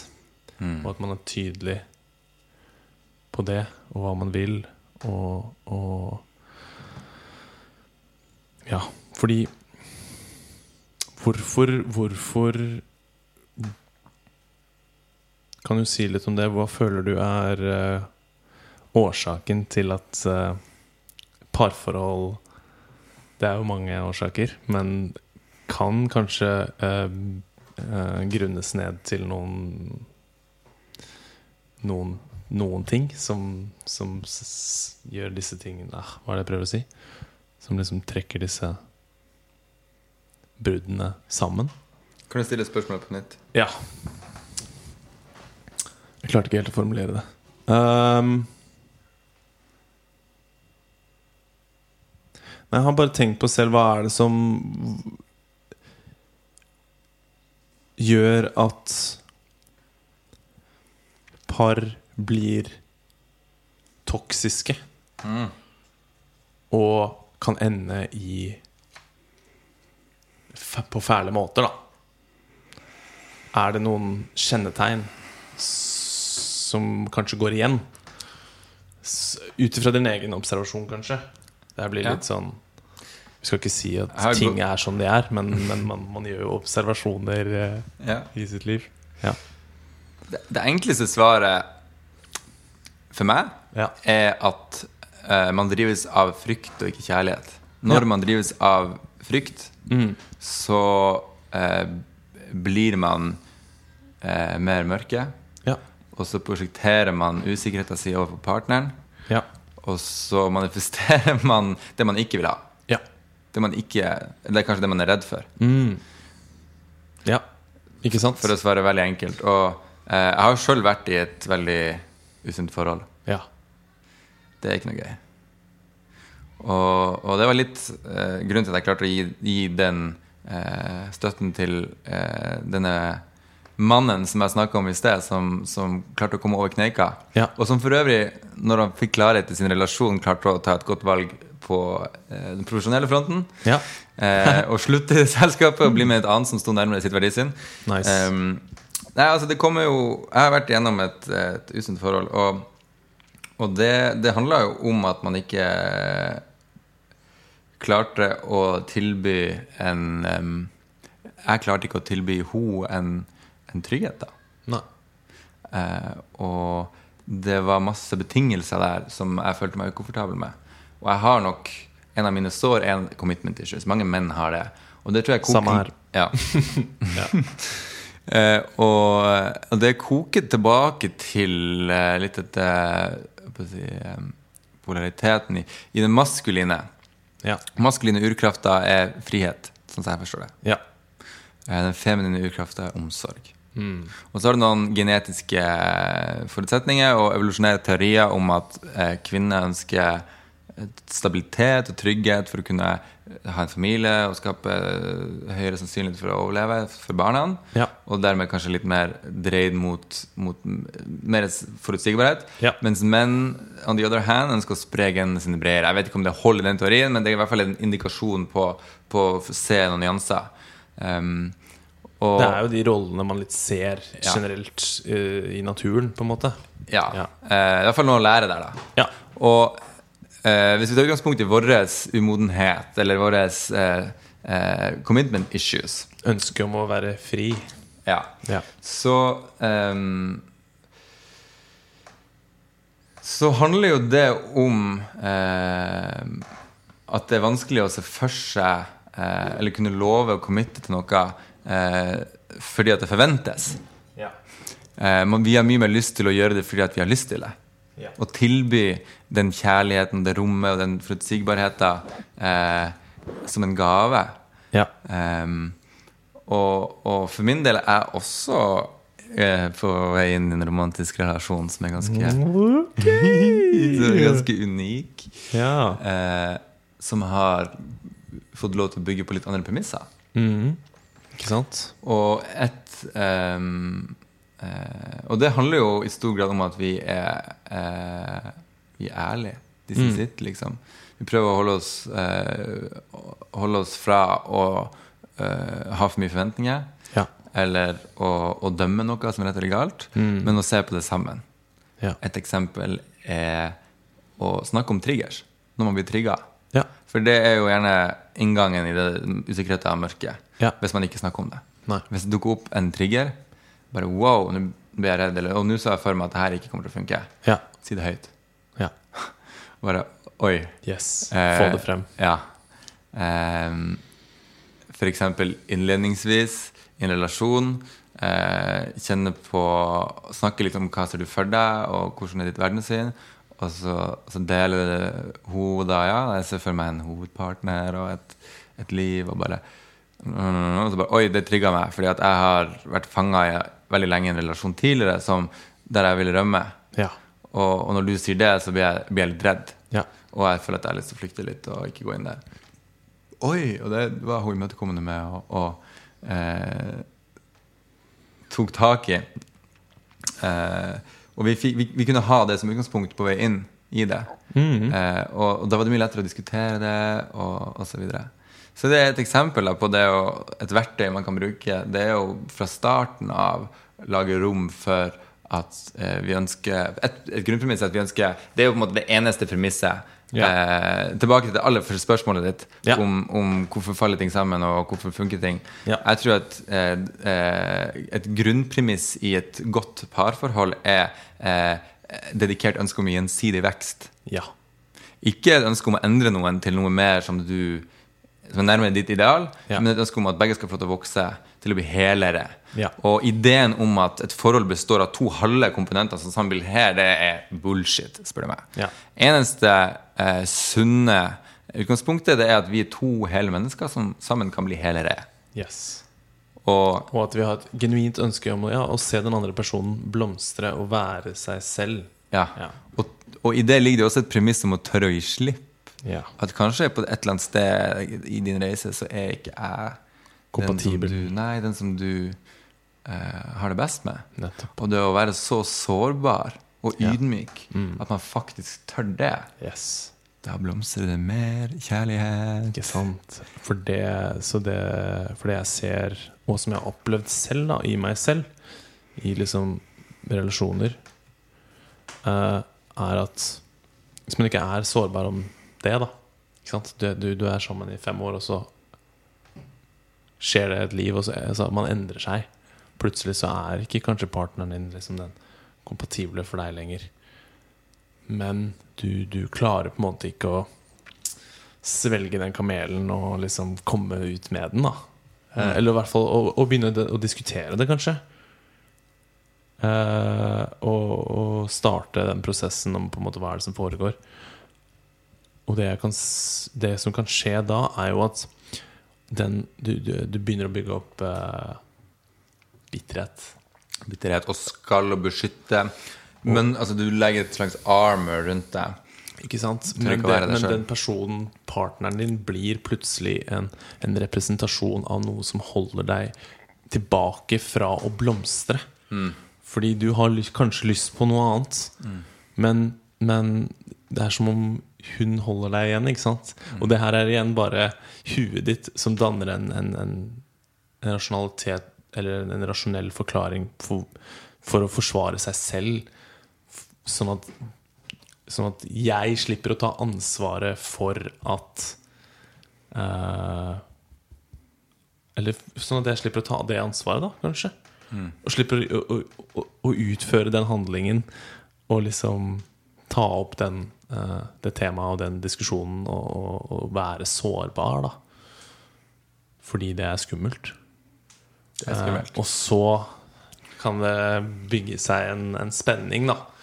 Eh, og hvis den på en måte Ja, hvis denne, skal man kalle det eh, en sannhet, ikke får sluppet fri, så blir den større og styggere, og Og så sprenger det bare til slutt, da. Det er kanskje litt sånn jeg det er der, Og det er der igjen. Sårbarhet. Er man ikke sårbar, er man ikke ærlig om hva man vil ha, og, og, og hva man føler, eh, så ser jeg at det kan være en oppskrift på litt katastrofe, da. For det kan Ja. bygge seg opp som en sånn Så ja, Hva er vitsen med å være i et forhold hvis man ikke kan være seg sjøl? Ikke sant? Hvorfor er man da i det forholdet? Hva er det den, det forholdet hva slags funksjon er det det forholdet spiller? Det er det sannsynligvis eh, fordi at man har gått inn i det med en idé om at vi to er akkurat nok skada for hverandre. Vi to er akkurat nok halv for å sammen bli hel. Sorry, Mac. Newsflash. Det blir ikke å funke. Du kommer ikke til å bli lykkelig. Nei. Eller du kommer ikke til å føle eh, rom for vekst og utvikling eh, med det utgangspunktet. Dessverre. Ikke sant? Og Og så blir det til at man kanskje rømmer litt fra det, da. man rømmer fra det. Man kommer til å prosjektere sin usikkerhet på partner. Det kommer til å bli tungt å bære. Og, så Ja. videre. og det her kommer litt tilbake til det vi starta hele podkasten med. Ja. Full circle. Ja, Nice. Vi begynner å nærme oss full circle nå. Om at um, vi har Vi lever i en verden som er bygd stein for stein, steg for steg, gjennom mange år. Ja. Det er mye som har skjedd. Det er mye kjipt som har skjedd. Ja. Det er altså alt ifra vold og kolonialisme og eh, en agrokultur som er mono, og eh, my, mange sannheter, da, etablerte sannheter om hva som er gjengs, hva som er rett og hva som er galt, som har fått et skikkelig fotfeste i kulturen. Ja. Og et av de er jo da det her med parforhold og familier, som koker tilbake til, til ganske langt bak, der, der kulturen og såkalt sivilisasjon har fått tatt innersvingen på en del mer eh, naturlige perspektiver. Ja. Vi er gruppemennesker. Vi lever i tribes.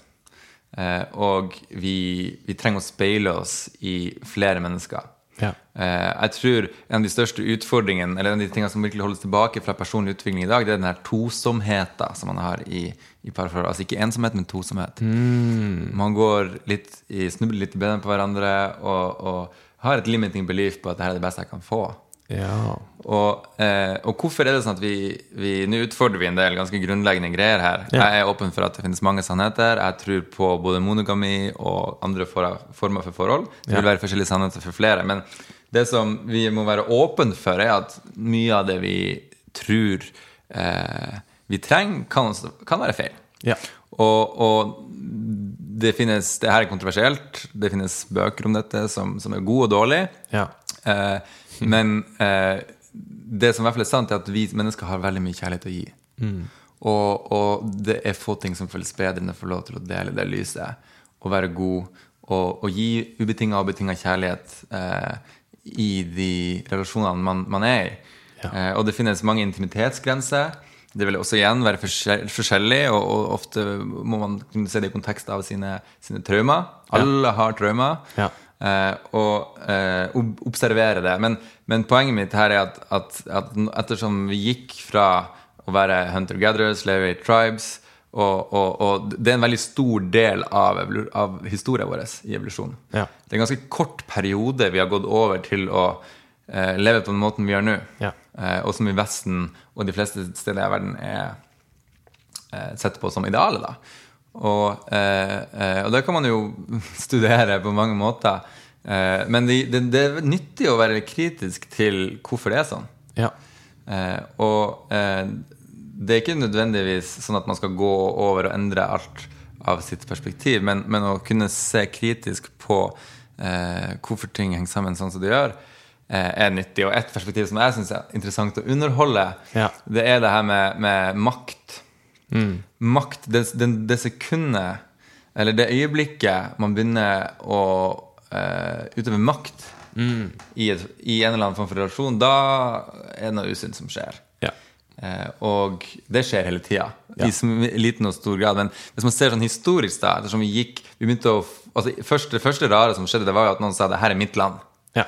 Her setter jeg et gjerde, og det her er mitt land. Og hvis mine etterfølgere skal få det og arve det, og det er mitt og Indianerne syntes det var helt speisa når cowboyene kom og begynte på den måten der. Ja. For det funka jo ikke i deres perspektiv. Nei. Og eh, forlengelsen av det er jo land og kongedømmer og makt igjen, økonomier og krig og fred og sånn. Ja. og og eh, når vi gikk over til å ha navn, familienavn, så var det mye lettere å bygge allianser. Kongene fikk støtte og, og supplies fra bønder og krigere osv.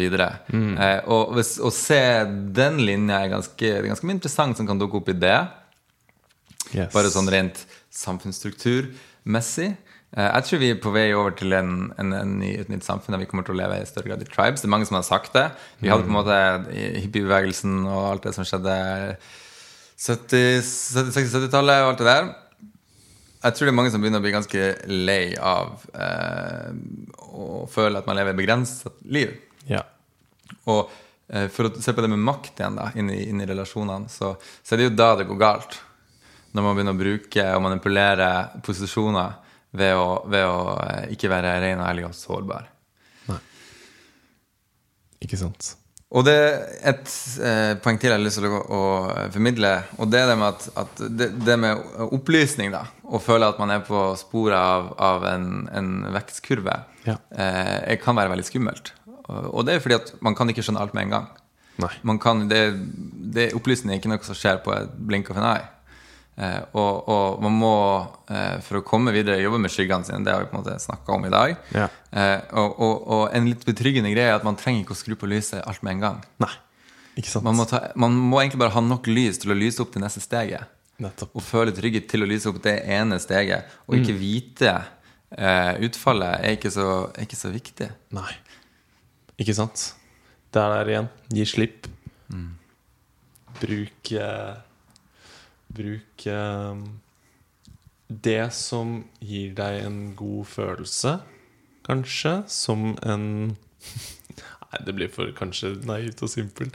Men som en, som en veiviser, da. Så trekk deg mer unna de tingene som ikke gir deg en god følelse. Utforsk da, selvfølgelig. Hvordan er det å være sårbar? Sant? Hva, slags, hva slags følelse er det det gir? Hvordan er det å snakke sant? Plutselig så blir du avhengig fordi det bare skaper en så god følelse innvendig og psykologisk at eh, du til slutt ikke klarer å ikke være det. Det er i hvert fall der jeg føler eh, jeg sitter nå etter eh, fire-fem år med å jobbet med å få frem ja, mine usikkerheter og sanne følelser og til de menneskene rundt meg som jeg er glad i, og som jeg vet jeg kan dele det med. Det er viktig å ha flere bein å stå på. Ja. Det er veldig smart å underholde flere relasjoner i sårbarhet. Ja. Og, og ha det som premiss på vei inn i en relasjon at jeg har lyst til å være helt ærlig om hvordan jeg har det med de rundt meg, mine venner. Eh, og jeg har lyst til å være ærlig med deg om det som skjer, og jeg håper du kan holde rom for, for min sårbarhet, sånn at Ja. jeg, kan, jeg kan tømme meg og, og bli hørt. ja. Det er jo grunnen til at mitt yrke eksisterer som coach. Er jo at alle mennesker har et behov for å bli hørt, og all form for healing og vekst skjer når man får sjansen til å bli hørt på en konstruktiv måte, uten at det skal dømmes. Nettopp. Takk, Takk sjøl. Snorre, for en uh, fantastisk uh, samtale. I lyset. Det var um, Ja. Snubla litt i starten, men når vi kom i gang, så var det bare nå, Jeg aner ikke hvor lang tid det har tatt, jeg, men det var nok i hvert fall over to timer, tror jeg. Så masse Masse gull. Takk for at du har lyst til å dele litt av eh, lyset ditt. Her. En stor glede. Og så gleder jeg meg til å være med på den ferden vi begge er på sammen eh, videre. Mm. Vi fikk ikke snakke så mye om uh, Bloom og sånne ting, men vi kan det finnes alltid flere muligheter til å preike. Det gjør det. Kult. Er det Igjen, det her er den tredje podcasten jeg har, så jeg har liksom ikke uh, så mye erfaring med hvordan å avslutte en podkast. Men uh, er det noe du Har du noe sted folk kan uh, ta kontakt med deg, f.eks.? Hvis de ønsker å bli litt veiledet innenfor de tingene vi har snakket om i dag? Nei. Nei. Jo, hva- altså, det kommer seg. Det gjør det. Ja. Eh, eh, selskapet som eh, jeg jobber ut ifra, heter Lederskapet. Mm. Og det finnes på lederskapet.com. Fantastisk. Eh, hvis du ønsker å være en leder og komme ut av skapet og eie din eh, sårbarhet med rak rygg Yes. og spre lyset til andre, så, så kanskje jeg kan hjelpe deg med det. Jeg håper å kunne dele litt ressurser, også til de som ikke har råd til å investere i coaching. Eh, men det jeg avslutningsvis har lyst til å si, det at det er en befrielse å bevege seg i retning av sårbarhet. Yes. Det er skummelt, men det går an. Og det er utrolig eh, givende å bevege seg inn i det som er vanskelig. Eh, men det krever litt struktur. Det krever rom for å være sårbar. Og, og lidelse og smerte er to forskjellige ting. Ja. Blandes veldig ofte sammen. Smerte er uunngåelig i livet. ja. Det sekundet du prøver å rømme fra smerten, så oppstår lidelsen. Da står lidelsen der med åpne armer og sier 'kom hit, kom hit', og yes. holder deg litt fast. Så det er ikke nødvendigvis et mål å føle seg bra hele tida. Det er faktisk mye bedre, tror jeg, å tørre å omfavne litt av mørket også. Ja. Og stå litt i smerten og vokse fra det.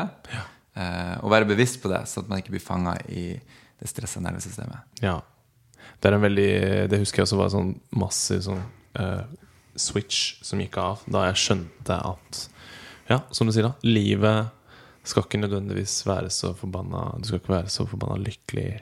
Og, og, og det er liksom vi alle kjenner smerte. Det er på en måte bare en default eh, mode av livet. Så hvis man føler på det, så er ikke det noe feil. Ikke sant? Det er, for det er kanskje litt det man blir litt lært til å tro. Det er noe feil med deg hvis du føler på smerte, men det er eh, universelt. Men det er den der unødvendige smerten som man skaper fra å egentlig rømme fra smerten. Ok. Takk for nå. Takk for nå. Hold det ekte, folkens. Keep it real. Adios.